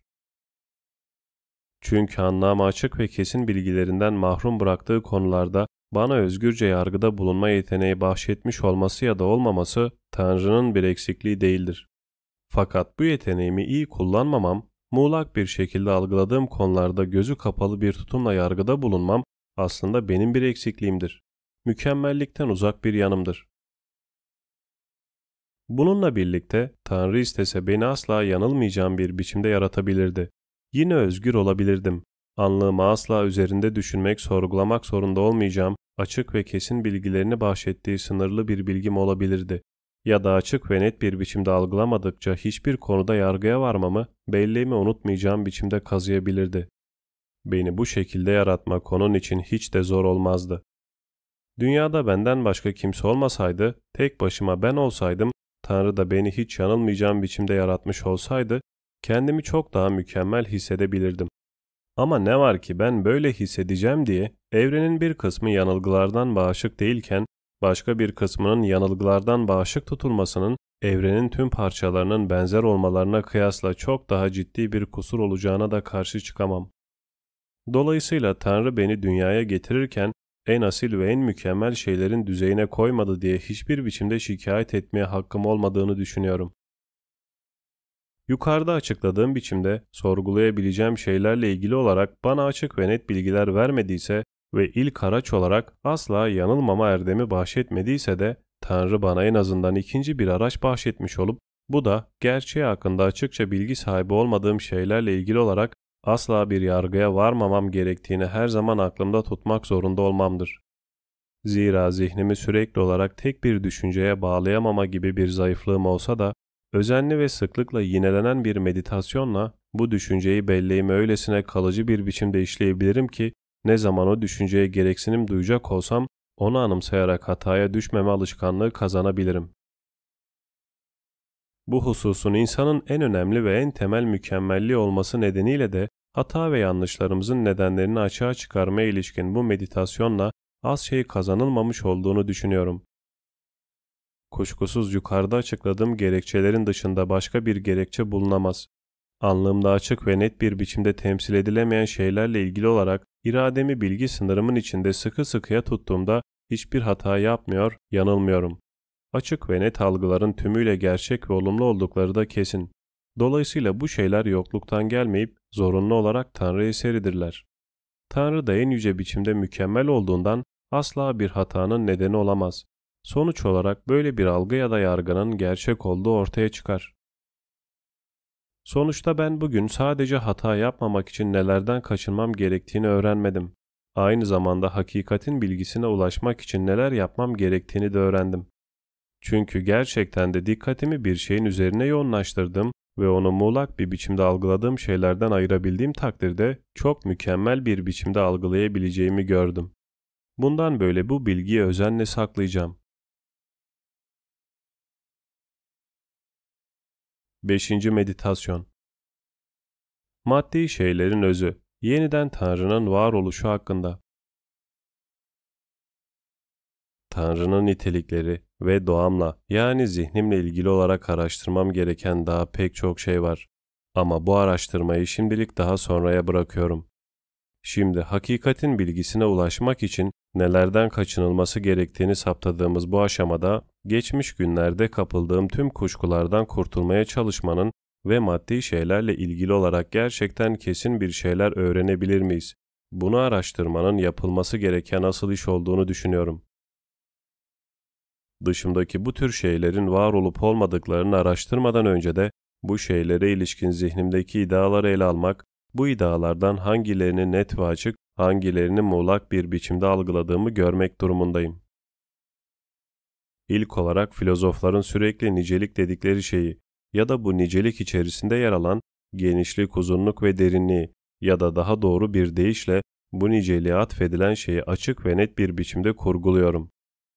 Dahası bu niceliği daha da bölümlere ayırabileceğimi, bu bölümlerin her birine her türlü büyüklük, biçim, durum ya da hareket niteliği kazandırabileceğimi, sonuçta da bu hareketlerin her birini her türlü süre birimiyle değerlendirebileceğimi görüyorum. Üstelik bu şeyleri genel olarak ele aldığımda ayrı ayrı algılamakla kalmıyor. Aynı zamanda algıladığım noktaya dikkatimi yoğunlaştırarak sayısal değerler, biçimler, hareketler ya da bunlara benzer şeylerle ilgili olarak sayılamayacak kadar farklı özellikler algılıyorum. Algıladığım şeylere ilişkin hakikat çok net bir biçimde kendisini gösterdiği gibi doğama da çok büyük bir uyum sağlıyor. O kadar ki bu gerçekleri keşfetmeye başladığımda sanki yeni bir şey öğrenmiyormuşum da daha önceden bildiğim bir şeyi tekrar anımsıyormuşum gibi hissediyorum. Yani düşüncemi üzerlerinde henüz yoğunlaştırmamama karşın bu şeyler sanki daha önceden beri zihnimde var olan şeylermiş gibi geliyor. Bu noktada en dikkate değer bulduğum bir husus da düşüncelerimin dışında hiçbir biçimde var olmamalarına karşın yine de yok sayılamayacak, var olmadıkları düşünülemeyecek sınırsız sayıda iddia sahibi olduğumu fark etmemdir. Bu tür şeyleri düşünme ya da düşünmeme özgürlüğüne sahip olmama karşın bunlar tarafından uydurulmuş olmayıp kendilerine özgü gerçek bir doğaları olan, değişmez, süreklilik arz eden şeylerdir. Örneğin zihnimde bir üçgen tahayyül etmem böyle bir şeydir. Dünyada zihnim dışında herhangi bir yerde böyle bir şekil var olmasa da bu durum üçgenin belli bir doğaya ve biçime sahip olmasını engellemeyeceği gibi söz konusu biçim ya da üçgeni üçgen yapan şey değişmez. Süreklilik arz eden bir özellik olmayı sürdürür. Üstelik bu öz her neyse hiçbir biçimde benim zihnime bağlı bir şey de değildir. Üçgenin üç açısının toplamının iki dik açıya eşit olması, Üçgenin en büyük açısının karşısında yer alan kenarının en uzun kenar olması ya da bunlara benzer özellikler ben istesem de istemesem de var olan. Daha önce üçgeni hiç düşünmemiş olsam da ilk kez düşündüğümde üçgene özgü özellikler olduklarını gördüğüm, dolayısıyla tarafından uydurulmuş olmayacak özelliklerdir. Bu noktada üçgen iddiası zihnime belki de duyularım aracılığıyla gelmiştir. Belki bir yerlerde üçgene benzer şeyler görmüşümdür biçiminde bir itiraz geliştirebilirim geliştirmesini ama zihnimde tasarladığım tek şey bu üçgen değil ki. Zihnimde duyularımla hiçbir ilgisi olmayan pek çok şey tasarlıyorum. Üstelik bunlara ait özellikleri de tıpkı üçgene ait özellikleri irdelediğim gibi irdeleyip duruyorum. Dolayısıyla zihnimde bu şekilde tasarlamış olduğum şeyler onları açık ve seçik bir şekilde algılıyor olmamdan ötürü tümüyle gerçek olan şeylerdir. Yani bunlar bir yokluk, bir hiçlik değil de bir şeydirler. Çünkü gerçek olan her şeyin bir şey olduğu apaçık ortadadır. Ben de daha yukarıda açık bir şekilde algıladığım her şeyin gerçek olduğunu zaten geniş bir biçimde açıkladım. Kaldı ki böyle bir açıklama getirmemiş olsaydım bile zihnimin doğası öyle bir yapıya sahip ki bir şeyi açık ve net olarak algılamayı sürdürdüğü sürece o şeyi gerçek olarak görmemin önüne geçmem olanaksız oluyor. Öte yandan duyularla ilgili nesnelerle yakından ilgilendiğimde bile net bir biçimde algıladığım aritmetik ve geometriye ilişkin sayı, biçim ve diğer özelliklere ait sayısal değerleri en sağlam, en değişmez hakikatler olarak görüyorum. Bu noktada bir şeye ilişkin iddiayı salt düşüncemden çekip çıkartabiliyorsam ve bu şeye ilişkin tüm bildiklerim açık ve seçik bir biçimde bu şeye ait oluyorsa Buradan hareketle Tanrı'nın varlığına ilişkin bir kanıt ve akıl yürütmeye ulaşılmaz mı diye soruyorum. Kesin olan şu ki o yüce varlığın iddiası bir biçim ya da sayıya ilişkin iddiadan daha az değil. Üstelik bir biçim ya da bir sayı hakkında kanıtlayabildiğim her şeyin onun doğasına ait olduğunu nasıl biliyorsam, aynı şekilde kapsamlı olarak Tanrı'nın doğasına ait sonsuz özellikleri de aynı şekilde bilebiliyorum. Dolayısıyla daha önceki meditasyonlarda vardığım sonuçlar tümüyle gerçek dışı olsa bile Tanrı'nın varlığı en azından sayılar ve biçimler üzerine kurulu matematiksel hakikatler kadar gerçek bir bilgi olarak zihnimde yer almak durumundadır. Bu görüş ilk bakışta çok net bir açıklık içermese, hatta bir tür safsata olarak görülse de bu böyledir. Zira diğer şeylerde varoluş ile özü birbirinden ayırt etme alışkanlığıyla Tanrı'nın varoluşunu özünden ayırt ederek Tanrı fiilen yoktur hükmüne kolayca varılabilir. Ama ne var ki bu konuyu dikkatle düşündüğümde Tanrı'nın varoluşunu Tanrı'nın özünden ayırt edemeyeceğimi açıkça görüyorum. Bir üçgenin üç kenarla sınırlı olması, açılarının toplamının iki dik açı etmesi nasıl üçgenin özünden ayrılamazsa ya da bir dağ iddiası nasıl vadi iddiasından ayrılamazsa, varoluştan yoksun bir tür mükemmellikten uzak olan Tanrı'yı en yüce mükemmelliği algılamak, hiç vadisi olmayan bir dağı tasarlamaya düşünmeye göre bana hiç de ters gelmiyor. Varoluştan yoksun Tanrı'yı algılayamamak, vadisi olmayan bir dağı algılayamamakla aynı şey olmasa da, salt buna dayanarak dağı vadisiyle algılıyorum anlamı çıkmaz. Dünyada da illa böyle bir dağın var olması gerekmez. Aynı şekilde Tanrı'yı varoluşuyla algılıyor olmamdan, Tanrı'nın illa var olduğu sonucu çıkmaz. Zihnim algıladığı şeylere herhangi bir zorunluluk dayatmaz. Kanatlı bir at yokken, zihnimde kanatlı bir atı nasıl tasarlıyorsam, fiilen var olmayan Tanrı'ya da varoluşunu o şekilde atfedebilirim. Ama ne var ki bu itiraz içinde yine de safsata gizlidir. Zira vadisiz bir dağ algılamıyor olmamdan nasıl ki dünyada böyle bir dağın ya da böyle bir vadinin olup olmadığı değil de dağ ve vadinin birbirinden ayrılamayacağı sonucu çıkmaktaysa Tanrı'yı da varoluşsuz algılayamayacak olmamdan da Tanrı ve varoluşun birbirinden ayrı düşünülemeyeceği sonucu doğar. Bu da Tanrı'nın gerçekten var olduğuna delalet eder. Düşüncem bunun böyle olmasına neden olduğu ya da şeylere herhangi bir zorunluluk yüklediği için değil, aksine o şeylerde var olan zorunluluk, yani Tanrı'nın varlığının zorunluluğu, düşüncemde ancak böyle bir algıya yol açtığı için bu böyledir. Çünkü varoluştan yoksun Tanrı'yı, yani en yüce mükemmelliyetten uzak bir en yüce varlığı algılayabilme konusunda bir atı kanatlı ya da kanatsız algılama konusunda olduğum gibi özgür değilim.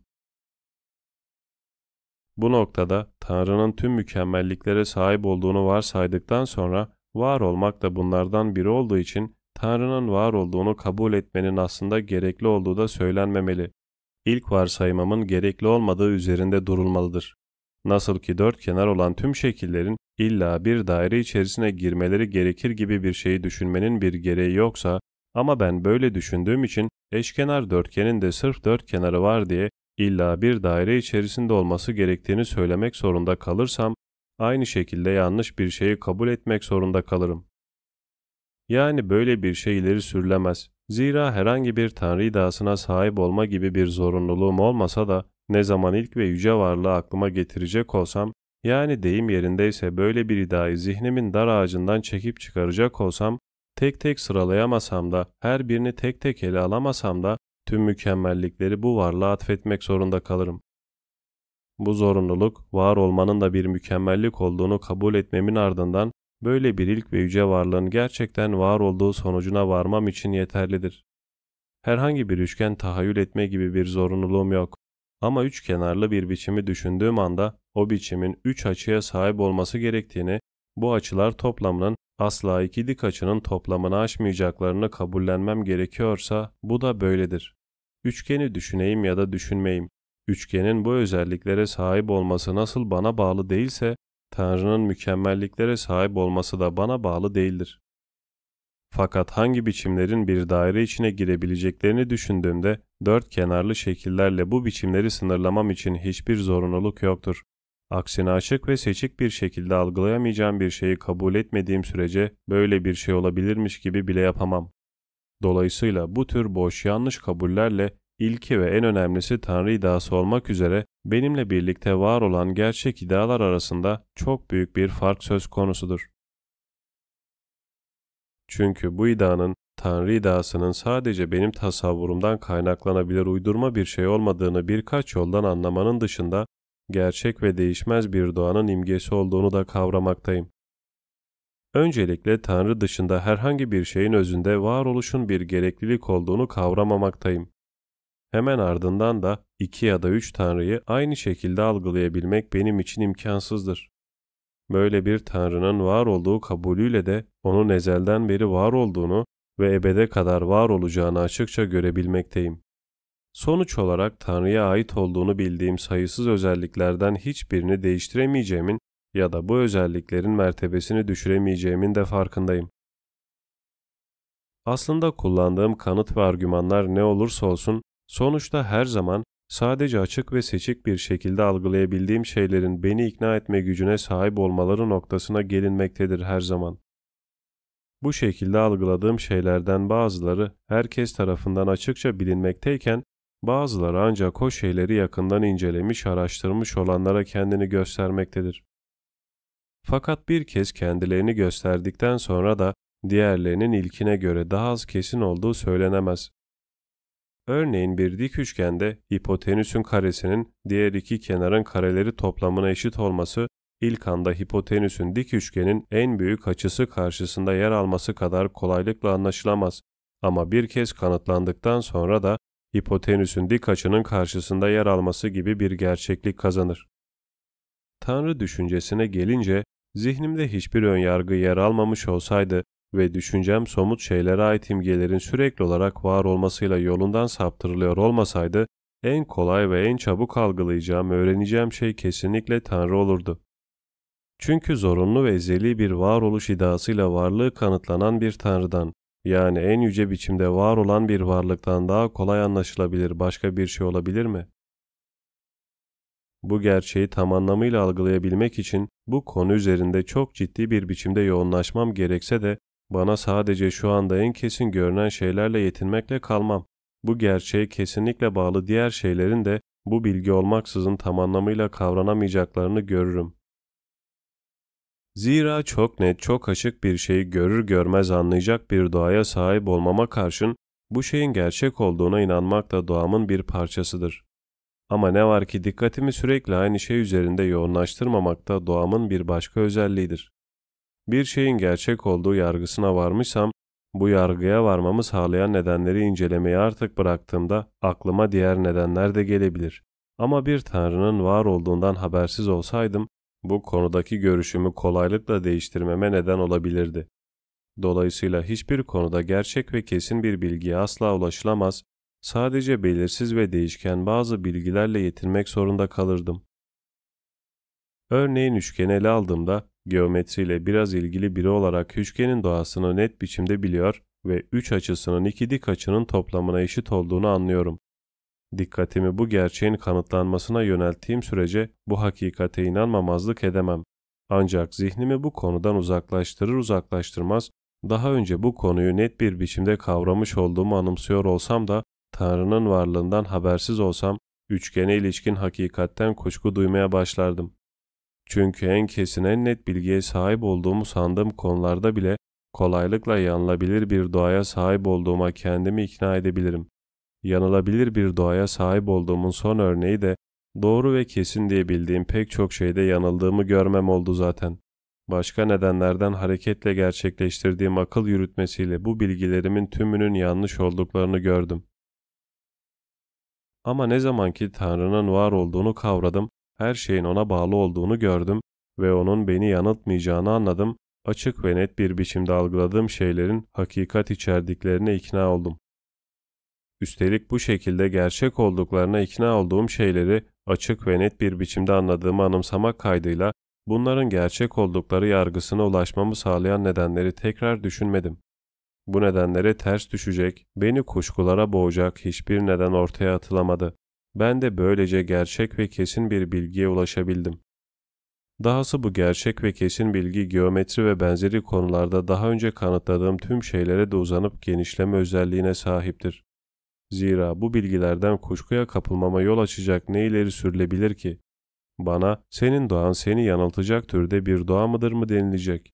Densin, nedenlerini net bir biçimde bildiğim yargılarımın beni artık yanıltmayacaklarını çok açık bir şekilde bilmekteyim. Bana eskiden doğru bildiğin ama sonradan tümüyle yanlış olduklarını gördüğün pek çok şey oldu mu denilecek. Densin, ben bunları zaten açık ve seçik bir biçimde bilmiyordum ki, ne tür bilginin gerçek olduğuna emin olacağımı gösteren kuraldan habersiz olduğumdan, daha sonraları yetersiz olduklarını gördüğüm nedenlere dayanarak bunların gerçek olduklarına inanmıştım. İtiraz etmek için daha başka ne söylenebilir? Belki de uykuda olduğum, ben zaten bu itirazı kendime karşı biraz önce yaptım ya da şu anda sahip olduğum tüm düşüncelerin sadece bir düş, sadece düşümde gördüğüm şeyler olduğu mu söylenir? İyi de uykuda bile olsam, zihnimin net bir biçimde algıladığı her şeyin mutlak gerçek olduğu da artık ortadadır. Böylece tüm bilgilerimin kesin ve gerçek olmasının sadece Tanrı bilgisine bağlı olduğunu artık kavramış bulunuyorum. Öyle ki bu bilgiye ulaşmadan önce herhangi bir şey hakkında tam bir bilgi sahibi olabilmem olanaksızdı. Ama şimdi bu hakikati bildiğime göre sadece bu hakikatin içerdiği konularda değil, varoluşları bana bağlı olmayan geometrik kanıtlamalar gibi cismi doğaya sahip şeylerle ilgili olarak da sayısız şey hakkında tam bir bilgi edinebilme aracına sahip olmuş durumdayım. 6. Meditasyon Maddi şeylerin varoluşu ve insan bedeniyle ruh arasındaki gerçek ayrım hakkında. Geriye bir tek maddi şeylerin var olup olmadıklarını araştırmak kaldı. Ama bu konuda da en azından geometrik kanıtlamaların nesneleri olarak göz önünde bulunduruldukları sürece onları oldukça açık ve seçik bir şekilde algıladığım için bu şeylerin var olduğunu şimdiden biliyorum. Zira Tanrı'nın net bir biçimde algılayabileceğim her şey yaratma gücüne sahip olduğuna hiç şüphe yoktur.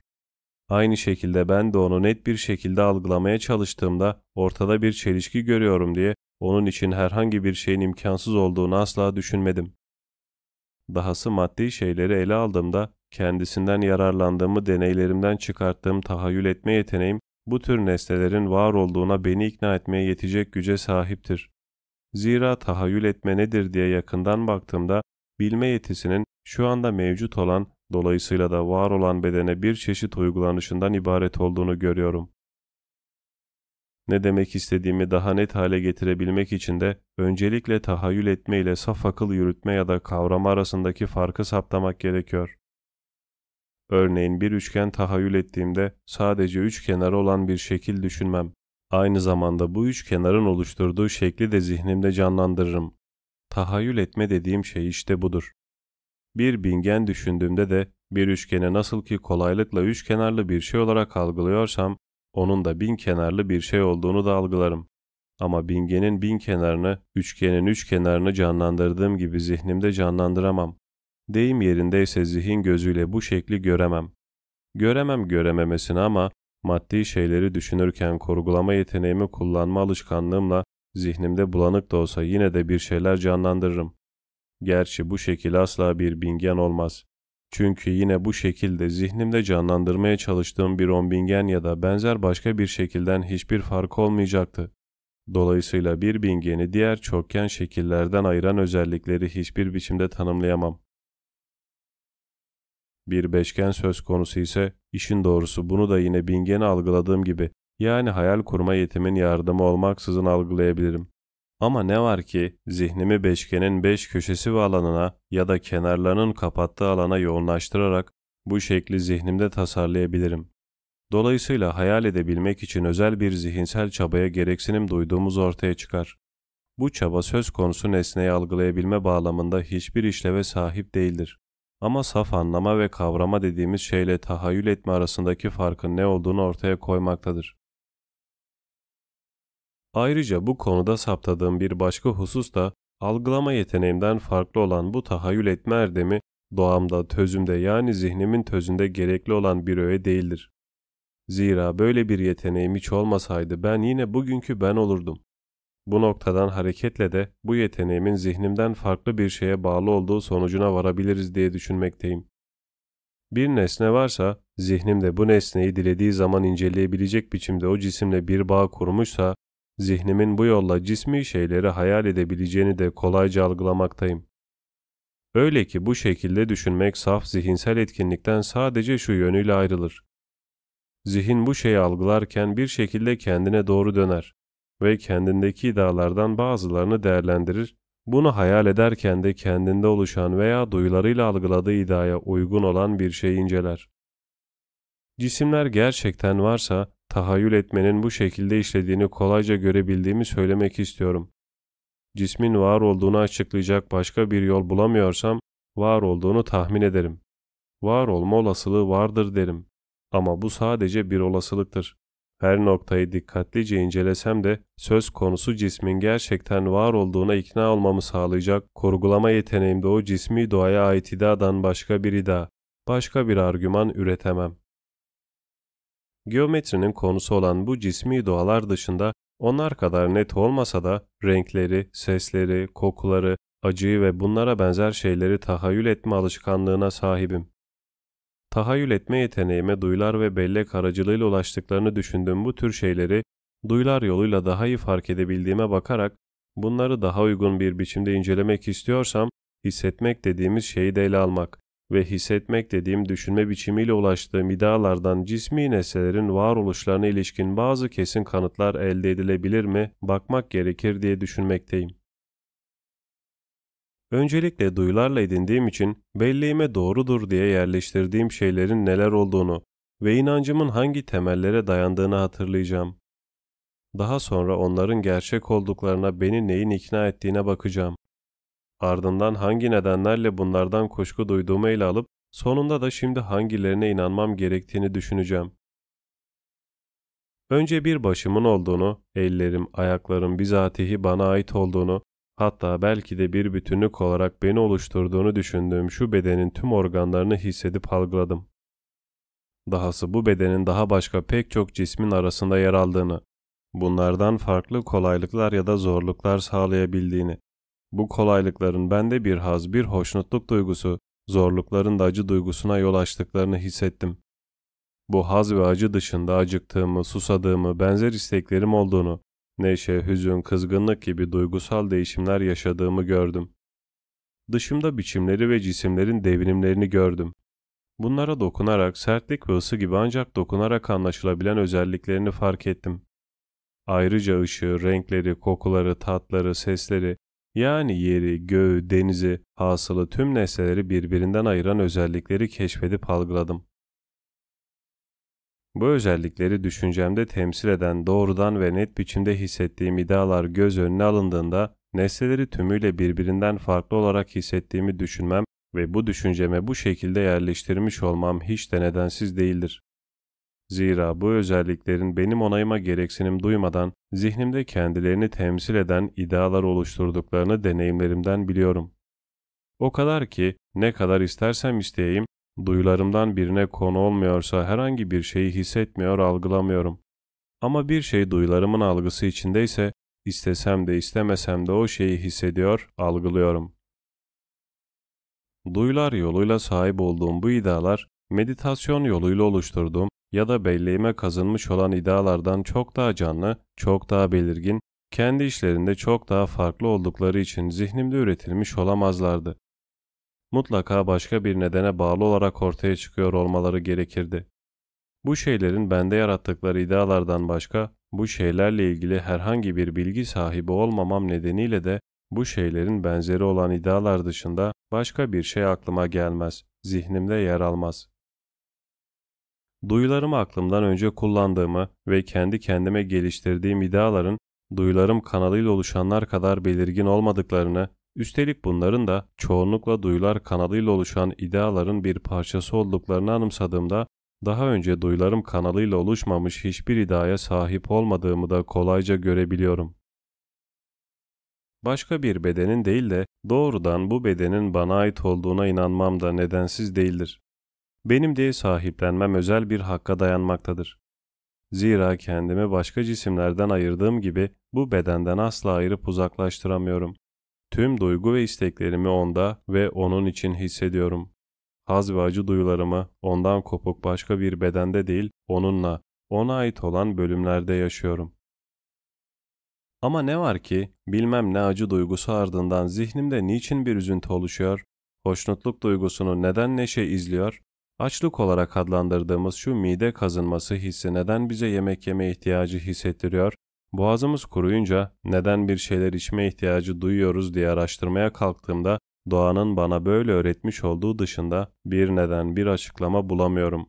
Çünkü mide kazınmasıyla yemek yeme ihtiyacı arasında en azından benim anladığım türde hiçbir ilinti, hiçbir bağ yok. Keza acıya neden olan şeyle acı duygusunun yarattığı üzüntü arasında da bir benzerlik, bir bağ yok. Duyularıma konu olan diğer şeylerle ilgili yargılarımı da aynı bunlar gibi doğadan öğrendiğimi düşünüyorum.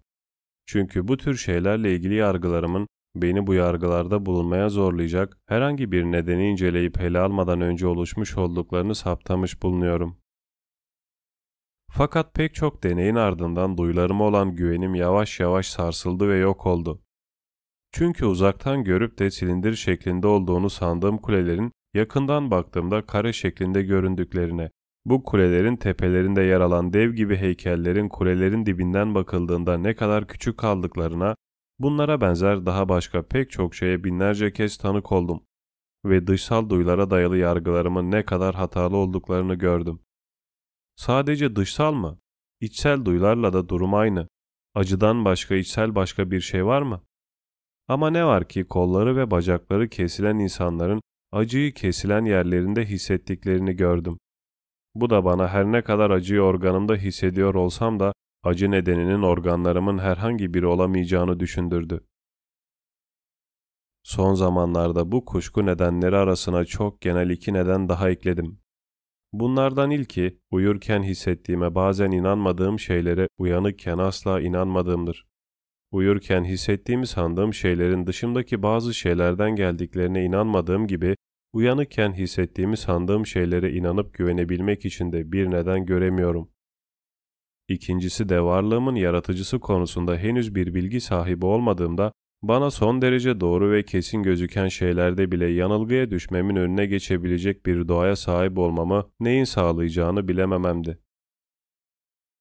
Somut şeylerin gerçekliğine ikna olmamı sağlayan nedenlere gelince bunları yanıtlamakta o kadar da zorlanmadım.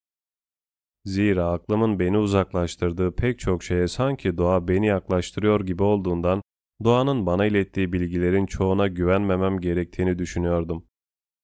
Her ne kadar duyular kanalıyla sahip olduğum iddialar irademe bağlı değillerse de bundan bu iddiaların benden farklı şeyler tarafından üretildikleri sonucu çıkarılmalıdır diye düşünmüyordum. Çünkü bende belki bu yönde işleyen bir yetenek olabilir.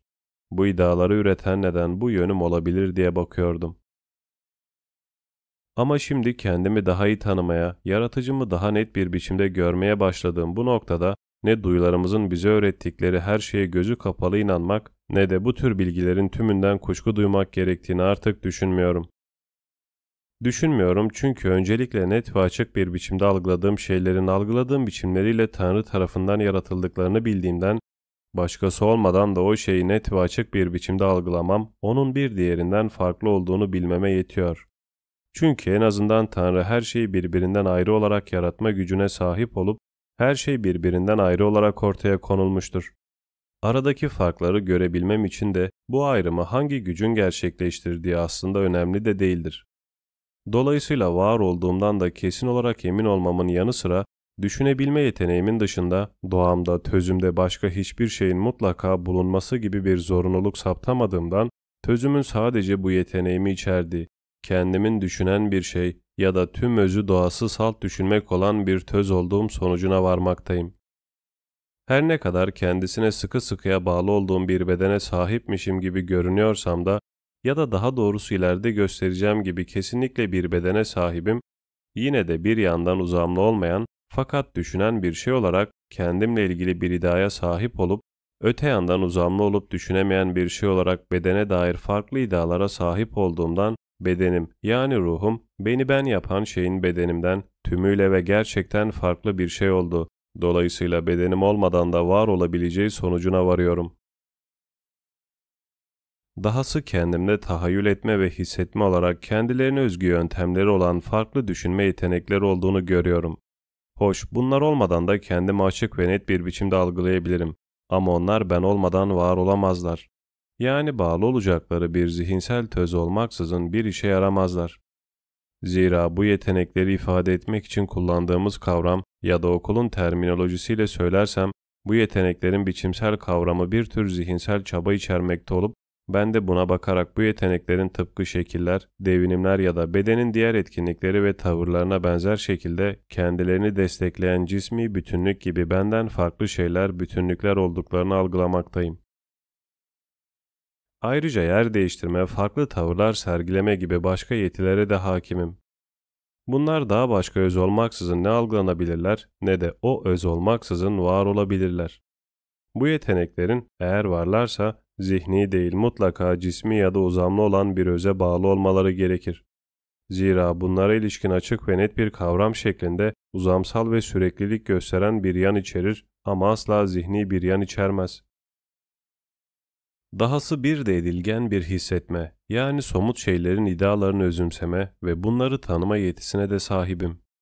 Sahibim sahip olmasına ama eğer bende bu ideaları oluşturma ve üretme gibi bir etkin yetenek daha bulunmasaydı, söz konusu edilgen yeteneğim hiçbir işe yaramazdı. Ama ne var ki bu etkin yeteneğim ki benim düşüncemi önceden ne var saymak ne de kabullenmek durumundadır, salt düşünen bir varlık olduğum sürece bende olamaz ve sözüne ettiğim idealar genellikle benim kendilerine herhangi bir katkım olmaksızın hatta ben istemesem bile ortaya çıkarlar, kendilerini gösterirler. Dolayısıyla bu yeti bir şekilde benden farklı bir öz olmak zorunda olup bu öz tarafından nesnel olarak üretilen tüm idealar, tüm gerçeği daha önce açıkladığımız gibi çok yüksek ölçüde ve kesin bir biçimde içermek durumundadır. Bu öz ya da cismi bir bütünlüktür. Yani cismi bir doğaya sahiptir ve söz konusu ideaların nesnel olarak ya da temsilen kapsadıkları her şeyi biçimsel olarak içermektedir. Ya da Tanrı'dır veya aynı şeyi fazlasıyla içeren, cisimden daha yüksek mertebede olan başka bir şeydir. Ama Tanrı aldatıcı olmadığından bu iddiaları kendisinin dolaysız olarak iletmeyeceği ya da bu iddiaların içerdikleri gerçekleri biçimsel olarak olmasa da fazlasıyla kapsayan bir aracı kullanmayacağı son derece açıktır. Zira bunun böyle olduğunu anlayabilmem için bana hiçbir yeti bahşetmediğine, aksine bu iddiaların cismi şeylerden geldikleri ya da neşet ettiklerine inanmam yönünde çok büyük bir eğilimle beni donattığına bakarak bu iddiaların cisimlerden değil de başka nedenlerden kaynaklanıyor olmaları halinde Tanrı'nın aldatıcı olmadığını nasıl söyleyebileceğimizi, aldatıcılık konusunu nasıl geçiştirebileceğimizi göremiyorum. Dolayısıyla tüm bu açıklamalar ışığında cismi şeylerin var olduklarını kabullenmek, itiraf etmek durumundayız. Bununla birlikte duyularımızla algıladıklarımız cismi şeylerle her zaman tam anlamıyla örtüşmeyebiliyor. Zira duyularımızın algısı pek çok konuda oldukça karanlık ve muğlak olabilir. Ama neyse ki açık ve net olarak algıladığım, yani genel olarak konuşmak gerekirse, geometrinin amacına dair algıladığım her şey gerçekten de mevcuttur. Geriye kalan şeylerse ya güneşin şu ya da bu büyüklükte ve şekilde olması gibi özel ya da ışık, ses, hacı ve benzerleri gibi çok net ve açık biçimde algılanmaları zor olan şeylerdir. Ama bu konularda da her ne kadar kuşkulu ve kesinlikten uzak görünseler de Tanrı asla yanıltıcı olmadığından hatalı görüşlere sahip olmama izin vermemiş, hatalarımı düzeltmemi sağlayacak yetilerle beni donatmıştır. Dolayısıyla bu tür şeyleri de kesinlikle bilebilecek araçlarla donatılmış olduğumu söyleyebileceğimi düşünüyorum. Her şeyden önce doğanın bana öğrettiği şeylerin bazı gerçeklikler içerdiğine dair hiç kuşku yok. Zira şimdi doğa deyince ya doğrudan Tanrı'yı ya da yarattığı şeylerde Tanrı'nın koyduğu düzeni anlamaktayım. Üstelik kendi doğamın özelinde de Tanrı'nın bana bahşettiği tüm şeylerin bütünlüğü ya da karmaşık yapısından farklı bir şey görmüyorum. Ama ne var ki bu doğanın acıyla malul olan, acıkma ve susama hissi duyduğumda yeme içme ihtiyacı duyan kusurlu bir bedene sahip olmanın dışında öğrettiği bir şey de yok aslında. Fakat bu bilgi bile öğrendiklerimin hakikati içerdiklerinden kuşku duymamam gerektiğini anlamama yetiyor. Doğa bu açlık, susama ve acı duygularıyla bedenime bir kaptanın gemisine yerleştiği gibi yerleşmediğimi, bu olgunun daha karmaşık bir yapıda olduğunu, bedenin ve benim birbirimize sıkı sıkıya bağlı olduğumuzu, birlikte bir ayrılmaz bütünlük oluşturduğumuzu da öğretiyor. Çünkü böyle olmasaydı, bedenim yaralandığında salt düşünen bir varlık olarak bu yara yüzünden acı çekiyor olmaz, nasıl bir kaptan gemisine çarpacak bir şey olup olmadığını bakarak anlıyorsa, ben de sadece anlığım sayesinde bu yarayı anlıyor olurdum. Keza acıktığım ya da susadığımda da acıkma ve susama duygusu gibi şeyler hissetmeden yine ancak anlayarak ne durumda olduğumu kavrayabilirdim. Zira acıkma, susama ve acı gibi tüm duygular aslında zihin ve beden bütünlüğünden kaynaklanan bu bütünlüğe bağlı, bu bütünlüğe özgü muğlak bir düşünme biçiminden başkaca bir şey değillerdir. Bunun dışında doğa bana etrafımda daha pek çok cismin bulunduğunu öğretir. Bunların bazılarının peşinden gider, bazılarından da kaçınmak zorunda kalırım.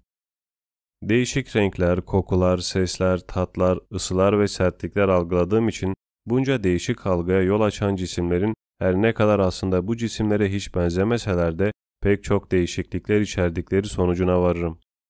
Keza algıladığım bu farklı duygulardan bazıları haz duymama yol açıp bazıları da itici geldiklerinden çok net bir biçimde bedenimin, daha doğrusu beden ve ruh olarak her şeyimle benim onu çevreleyen şeylerden yararlanabileceği ya da zarar görebileceği sonucuna ulaşırım. Doğanın öğrettikleri sadece bunlarla sınırlı da değil.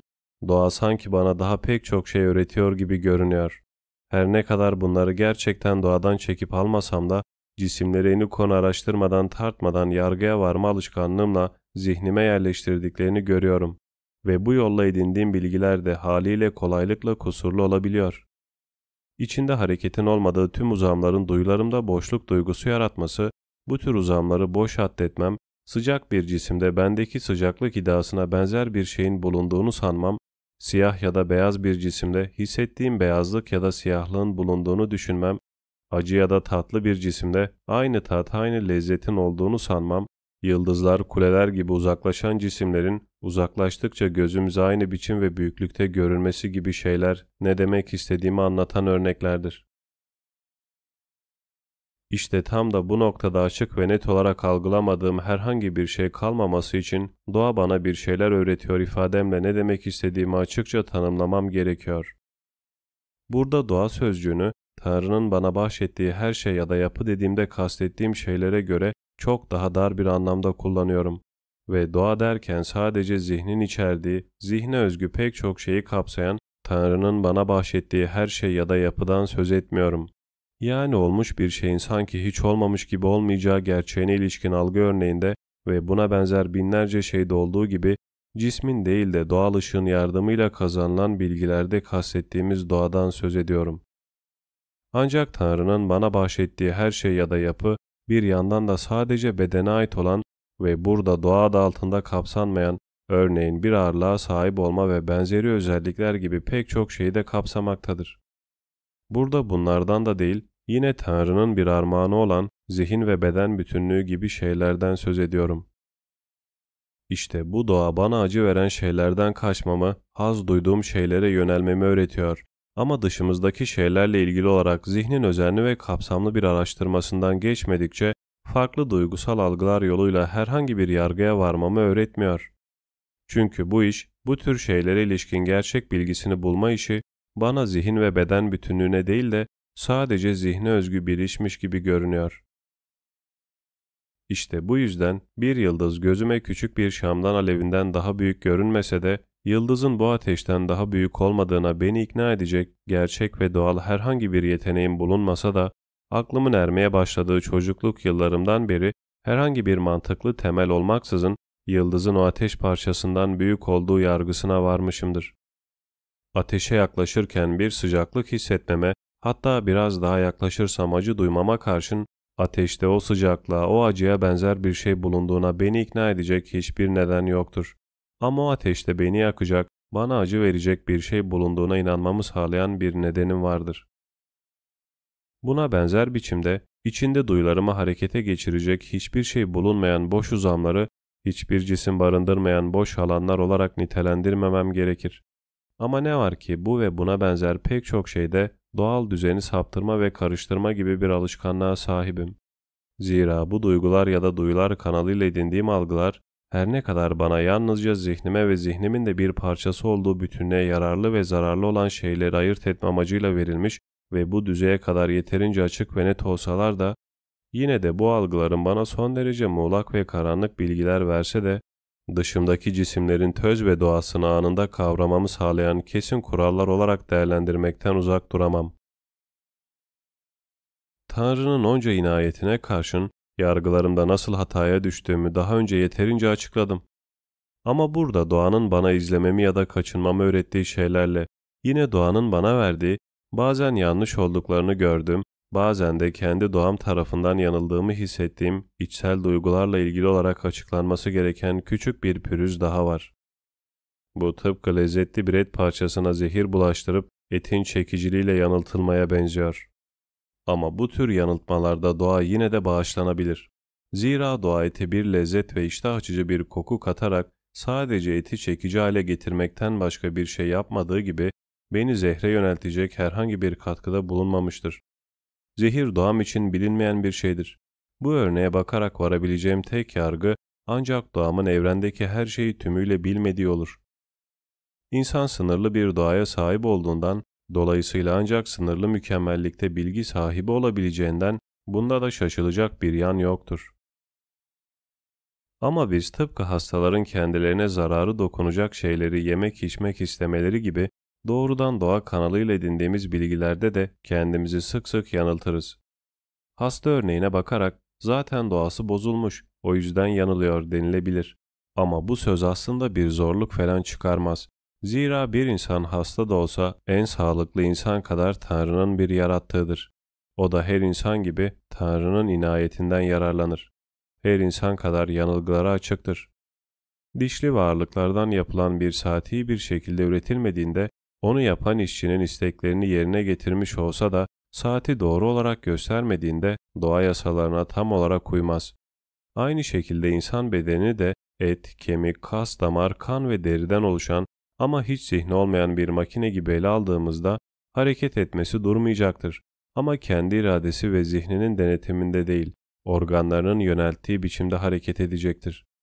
Bu beden içinde örneğin susama belirtisi olan boğaz kuruluğu çektiğinde sinirlerini başka organlarına harekete geçirecek, onu su içmeye yöneltecek bir uyarı sistemine sahip olması ve su içmesi ne kadar doğalsa böyle bir uyarı sistemi olmadan boğaz kuruluğu çektiğinde su içmeyip hastalığını artırması ve kendine zarar vermesi de o kadar doğaldır. Öte yandan sözünü ettiğimiz saat her ne kadar ustasının istediği gibi olmuşsa da zamanı doğru göstermediği için bu saatin doğasından saptırılmış olduğunu söyleyebilirim. Benzer şekilde insan bedeni denilen makinenin Tanrı tarafından her şey yerli yerince ve olması gerektiği gibi yaratıldığı varsayımı altında, boğazı koruduğunda bir şeyler içmenin ona zarar verecek olması halinde bu makinenin de doğasına uygun hareket etmediğini düşünürüm. Ama bu son açıklamamızda sözünü ettiğimiz doğanın diğerleriyle aynı şey olmadığını da belirtmek gerekir. Zira bu ifadede yer alan doğa kelimesi tümüyle benim düşünceme bağlı bir tanımlamadan başka bir şey olmayıp hasta bir adamla kötü imal edilmiş bir saate sağlam bir adama ve düzgün işleyen bir saate bakarak karşılaştırmaktadır. İfade ettiği şeyin dışında da başkaca bir anlamı yoktur. Oysa doğayı öteki türlü açıkladığımızda cismin, eşyanın, nesnenin bünyesinde gerçekten yer alan bazı özelliklerden yani hakikat içeren şeylerden söz ederiz. Ancak su tutma özelliğine sahip bir beden açısından su içme gereksinimi duymaksızın boğaz kuruluğu çekmesini doğasının bozulmuş olduğu biçiminde tanımlamak salt dışsal bir tanımlama olmasa da cismi bütünlük yani beden ve ruh bütünlüğü açısından bakıldığında bu saf duru bir tanımlama olmaktan çıkar. Bir şeyler içmenin çok zararlı olacağı bir durumda susamak doğanın bir hatası haline gelir ve bu durumda Tanrı'nın inayeti doğanın yanıltıcı olmasını neden engellemiyor diye araştırmamız gerekir. Bu araştırmaya öncelikle beden ve zihin arasında çok büyük bir farklılık bulunduğunu, bedenin doğası gereği her zaman bölünebilir olmasına karşın zihnin tümüyle bölünemez olduğunu vurgulayarak başlamak istiyorum. Çünkü düşünen bir varlık olarak zihnimi yani kendimi ele aldığımda hiçbir biçimde bölümlere ayrılmadığımı görüyor, kendimi bir bütünlük olarak algılıyorum. Öte yandan bu zihinsel bütünlük her ne kadar tüm bedenimize yapışık görünse de bacağım, kolum ya da bedenimin başka bir organı bedenimden ayrılabiliyor ama bu ayrılma zihnim üzerinde herhangi bir kopmaya, değişime yol açmıyor. İstek duyma, hissetme, algılama ve benzeri yetilerimin zihnimin ayrı bölümleri oldukları söylenemez. Zira aynı zihin tümüyle istemekte, tümüyle hissetmekte ve algılamaktadır. Ama bir cisme, bir hacme sahip cisimlerde durum bunun tam tersidir. Çünkü bu tür cisimlerin ayrı ayrı düşünemeyeceğim hiçbir parçası yoktur. Ama zihnim asla bu şekilde parçalı olarak düşünülemez. Dolayısıyla zihnimin bölünemez olduğunu algılarım. Bu konuyu daha önce yeterince kavrayamamış olsam bile şu son açıklama, insan zihni ya da ruhuyla bedeninin tümüyle farklı olduğunu ortaya koymaya son derece yeterlidir. Keza zihnimin bedenimin her parçasıyla değil de sadece beynimle hatta belki de beynimin akıl mantık denilen yeteneği yöneten daha küçük bir bölümüyle anında iletişim içinde olduğunu burada ile almasak da binlerce deneyin gösterdiği gibi bedenin diğer bölümleri farklı şekillerde tepki verseler de bu bölümün her zaman aynı şekilde tepki vererek zihnin aynı şeyi hissetmesini sağladığını saptamaktayım.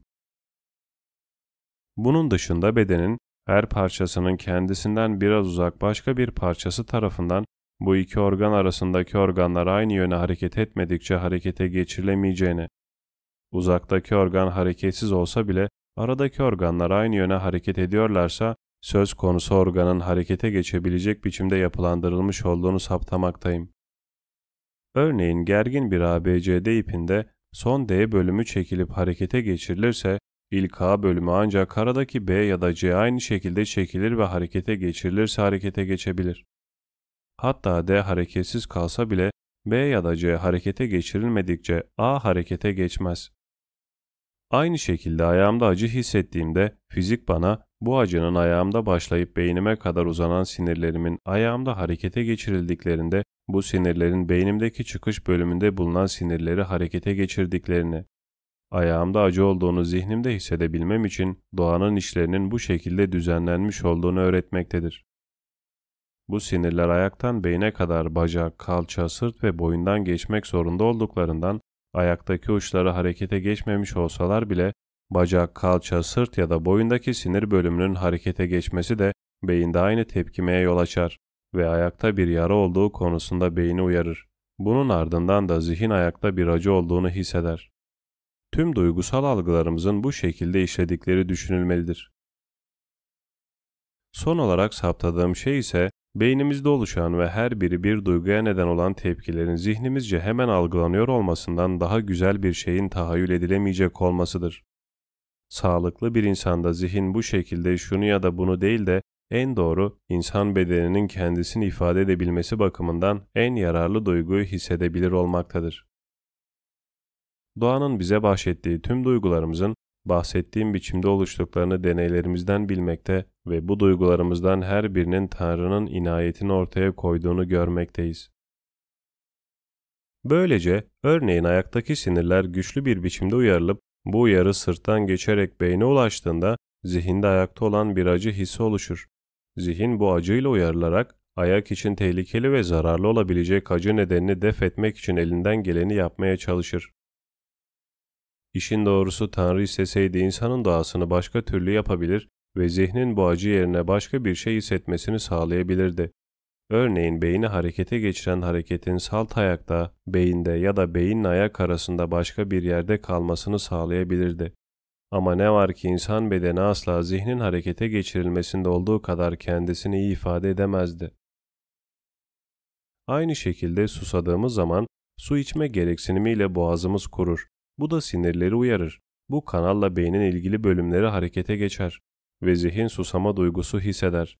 Susamışken bedenimize su içme ihtiyacı içinde olduğunu hissettirmekten daha yararlı başka bir şey düşünülemez. Aynı şey diğer duygularımız için de geçerlidir. Bu andıklarımız çerçevesinde Tanrı'nın tüm inayetine karşın zihinle beden işbirliği olarak insan doğasının insanı bazen yanıltır olmaktan kaçınılamayacağı da açıkça görülmektedir. Çünkü ayaktaki bir yara nedeniyle değil de ayaktan beyne kadar uzanan sinirin hatta beynin içinde ayakta acı varmış gibi okunmasına yol açan bir neden varsa acı yine ayaktaymış gibi duyulacak ve bu durumda duygu algısı doğal olarak yanılacaktır. Beyindeki bir hareket zihinde sadece ilgili duyguya yol açtığından ve bu duygu sıklıkla başka bir yerde değil de ayakta oluşan bir yara sonucu ortaya çıktığından acı duygusunun başka bir yerle değil de ayakla ilgili olması son derece doğaldır. Keza susama duygusu alışılmış olduğu gibi bedenin sağlıklı kalmak istemesinin bir sonucu olarak değil de bedenlerinde su tutma zorluğu çekenlerde olduğu gibi tamamen ters bir nedenle ortaya çıkarsa bu durumda bile yanılıyor olmak bedenin sağlıklı halinde yanılıyor olmaktan çok daha iyidir. Bu sonuç benzer diğer durumlar için de haliyle geçerlidir. Bu irdeleme sadece doğamın ne tür hatalara açık olduğunu tanımam açısından değil, aynı zamanda bu hatalardan kaçınabilmem ya da bu hataları kolayca düzeltme olanağı bulabilmem açısından da hiç kuşkusuz çok önemlidir. Çünkü duygularımın bedenime yararlı ve zararlı olabilecek şeyler bağlamında genel olarak yanlış şeylerden çok doğru olanları göstermesi, aynı olguyu irdeleyebilmek için her zaman birkaç duygumun hazır olması, eski bilgilerle yeni bilgilerim arasında ilişki kurabilmek için belleğimden yararlanıyor olmam ve anlığımın o ana kadar yaptığım hataların nedenlerini keşfetmiş olması nedeniyle daha sonrasında duyularımın beni yanıltabilecek olmalarından kaygı duymamam gerekir. Keza başta uyanıklık halinden ayırmayı beceremediğim yaygın bir belirsizlik içeren uyku hali olmak üzere son günlerin tüm gülünç ve abartılı kuşkuları da bir yana bırakılmalıdır. Zira uyku ve uyanıklık haliyle ilgili olarak çok önemli bir fark şu anda ortaya çıkmış bulunuyor. Belleğimiz düşlerimizi asla birbirine bağlamıyor ama uyanıkken başımıza gelenleri birbiri peşi sıra ulayıp gidiyor. Dolayısıyla uyanıkken biri bana tıpkı düşümde olduğu gibi bir görünüp bir kaybolmuşsa, nereden gelip nereye gittiğini anlayamamışsam, gerçek bir insan değil de beynimin ürettiği bir görüntü, bir hayalet gördüğümü söylemem hiç de nedensiz olmayacaktır. Ama bir şeyleri açık bir biçimde fark etmişsem, nereden geldiklerini, nerede olduklarını, bana ne zaman göründüklerini biliyorsam ve herhangi bir kesinti olmaksızın yaşamımın kalan kısmıyla bu olgu arasından bir bağ kurabiliyorsam, gördüğüm şeyleri tümüyle uyanıkken gördüğümden artık eminim. Tüm duyularım belleğim ve anlamın sınavından geçmiş, bu sınavların hiçbirini deyim yerindeyse kaybetmemiş, bunlardan birisinin doğrudur dediğine, diğerleri yanlış dememişse, bu tür şeylerin gerçekliklerinden kuşku duymam için artık bir neden bulunmamaktadır. Zira Tanrı'nın yanıltıcı olmaması sonucu bu sınav ve irdelemelerin sonucunda ben de artık hiçbir biçimde yanılıyor olamam. Ama ne var ki iş yoğunluğumuzun bizi sıklıkla özenli bir araştırma yapmaktan alıkoyması sonucu insan yaşamının özellikle yeni karşılaşılan olaylarda çok büyük sıklıkla hata yapmaya açık olduğunu, dolayısıyla insan doğasının böyle bir zayıflıkla mağlul olduğunu kabul etmek durumundayız.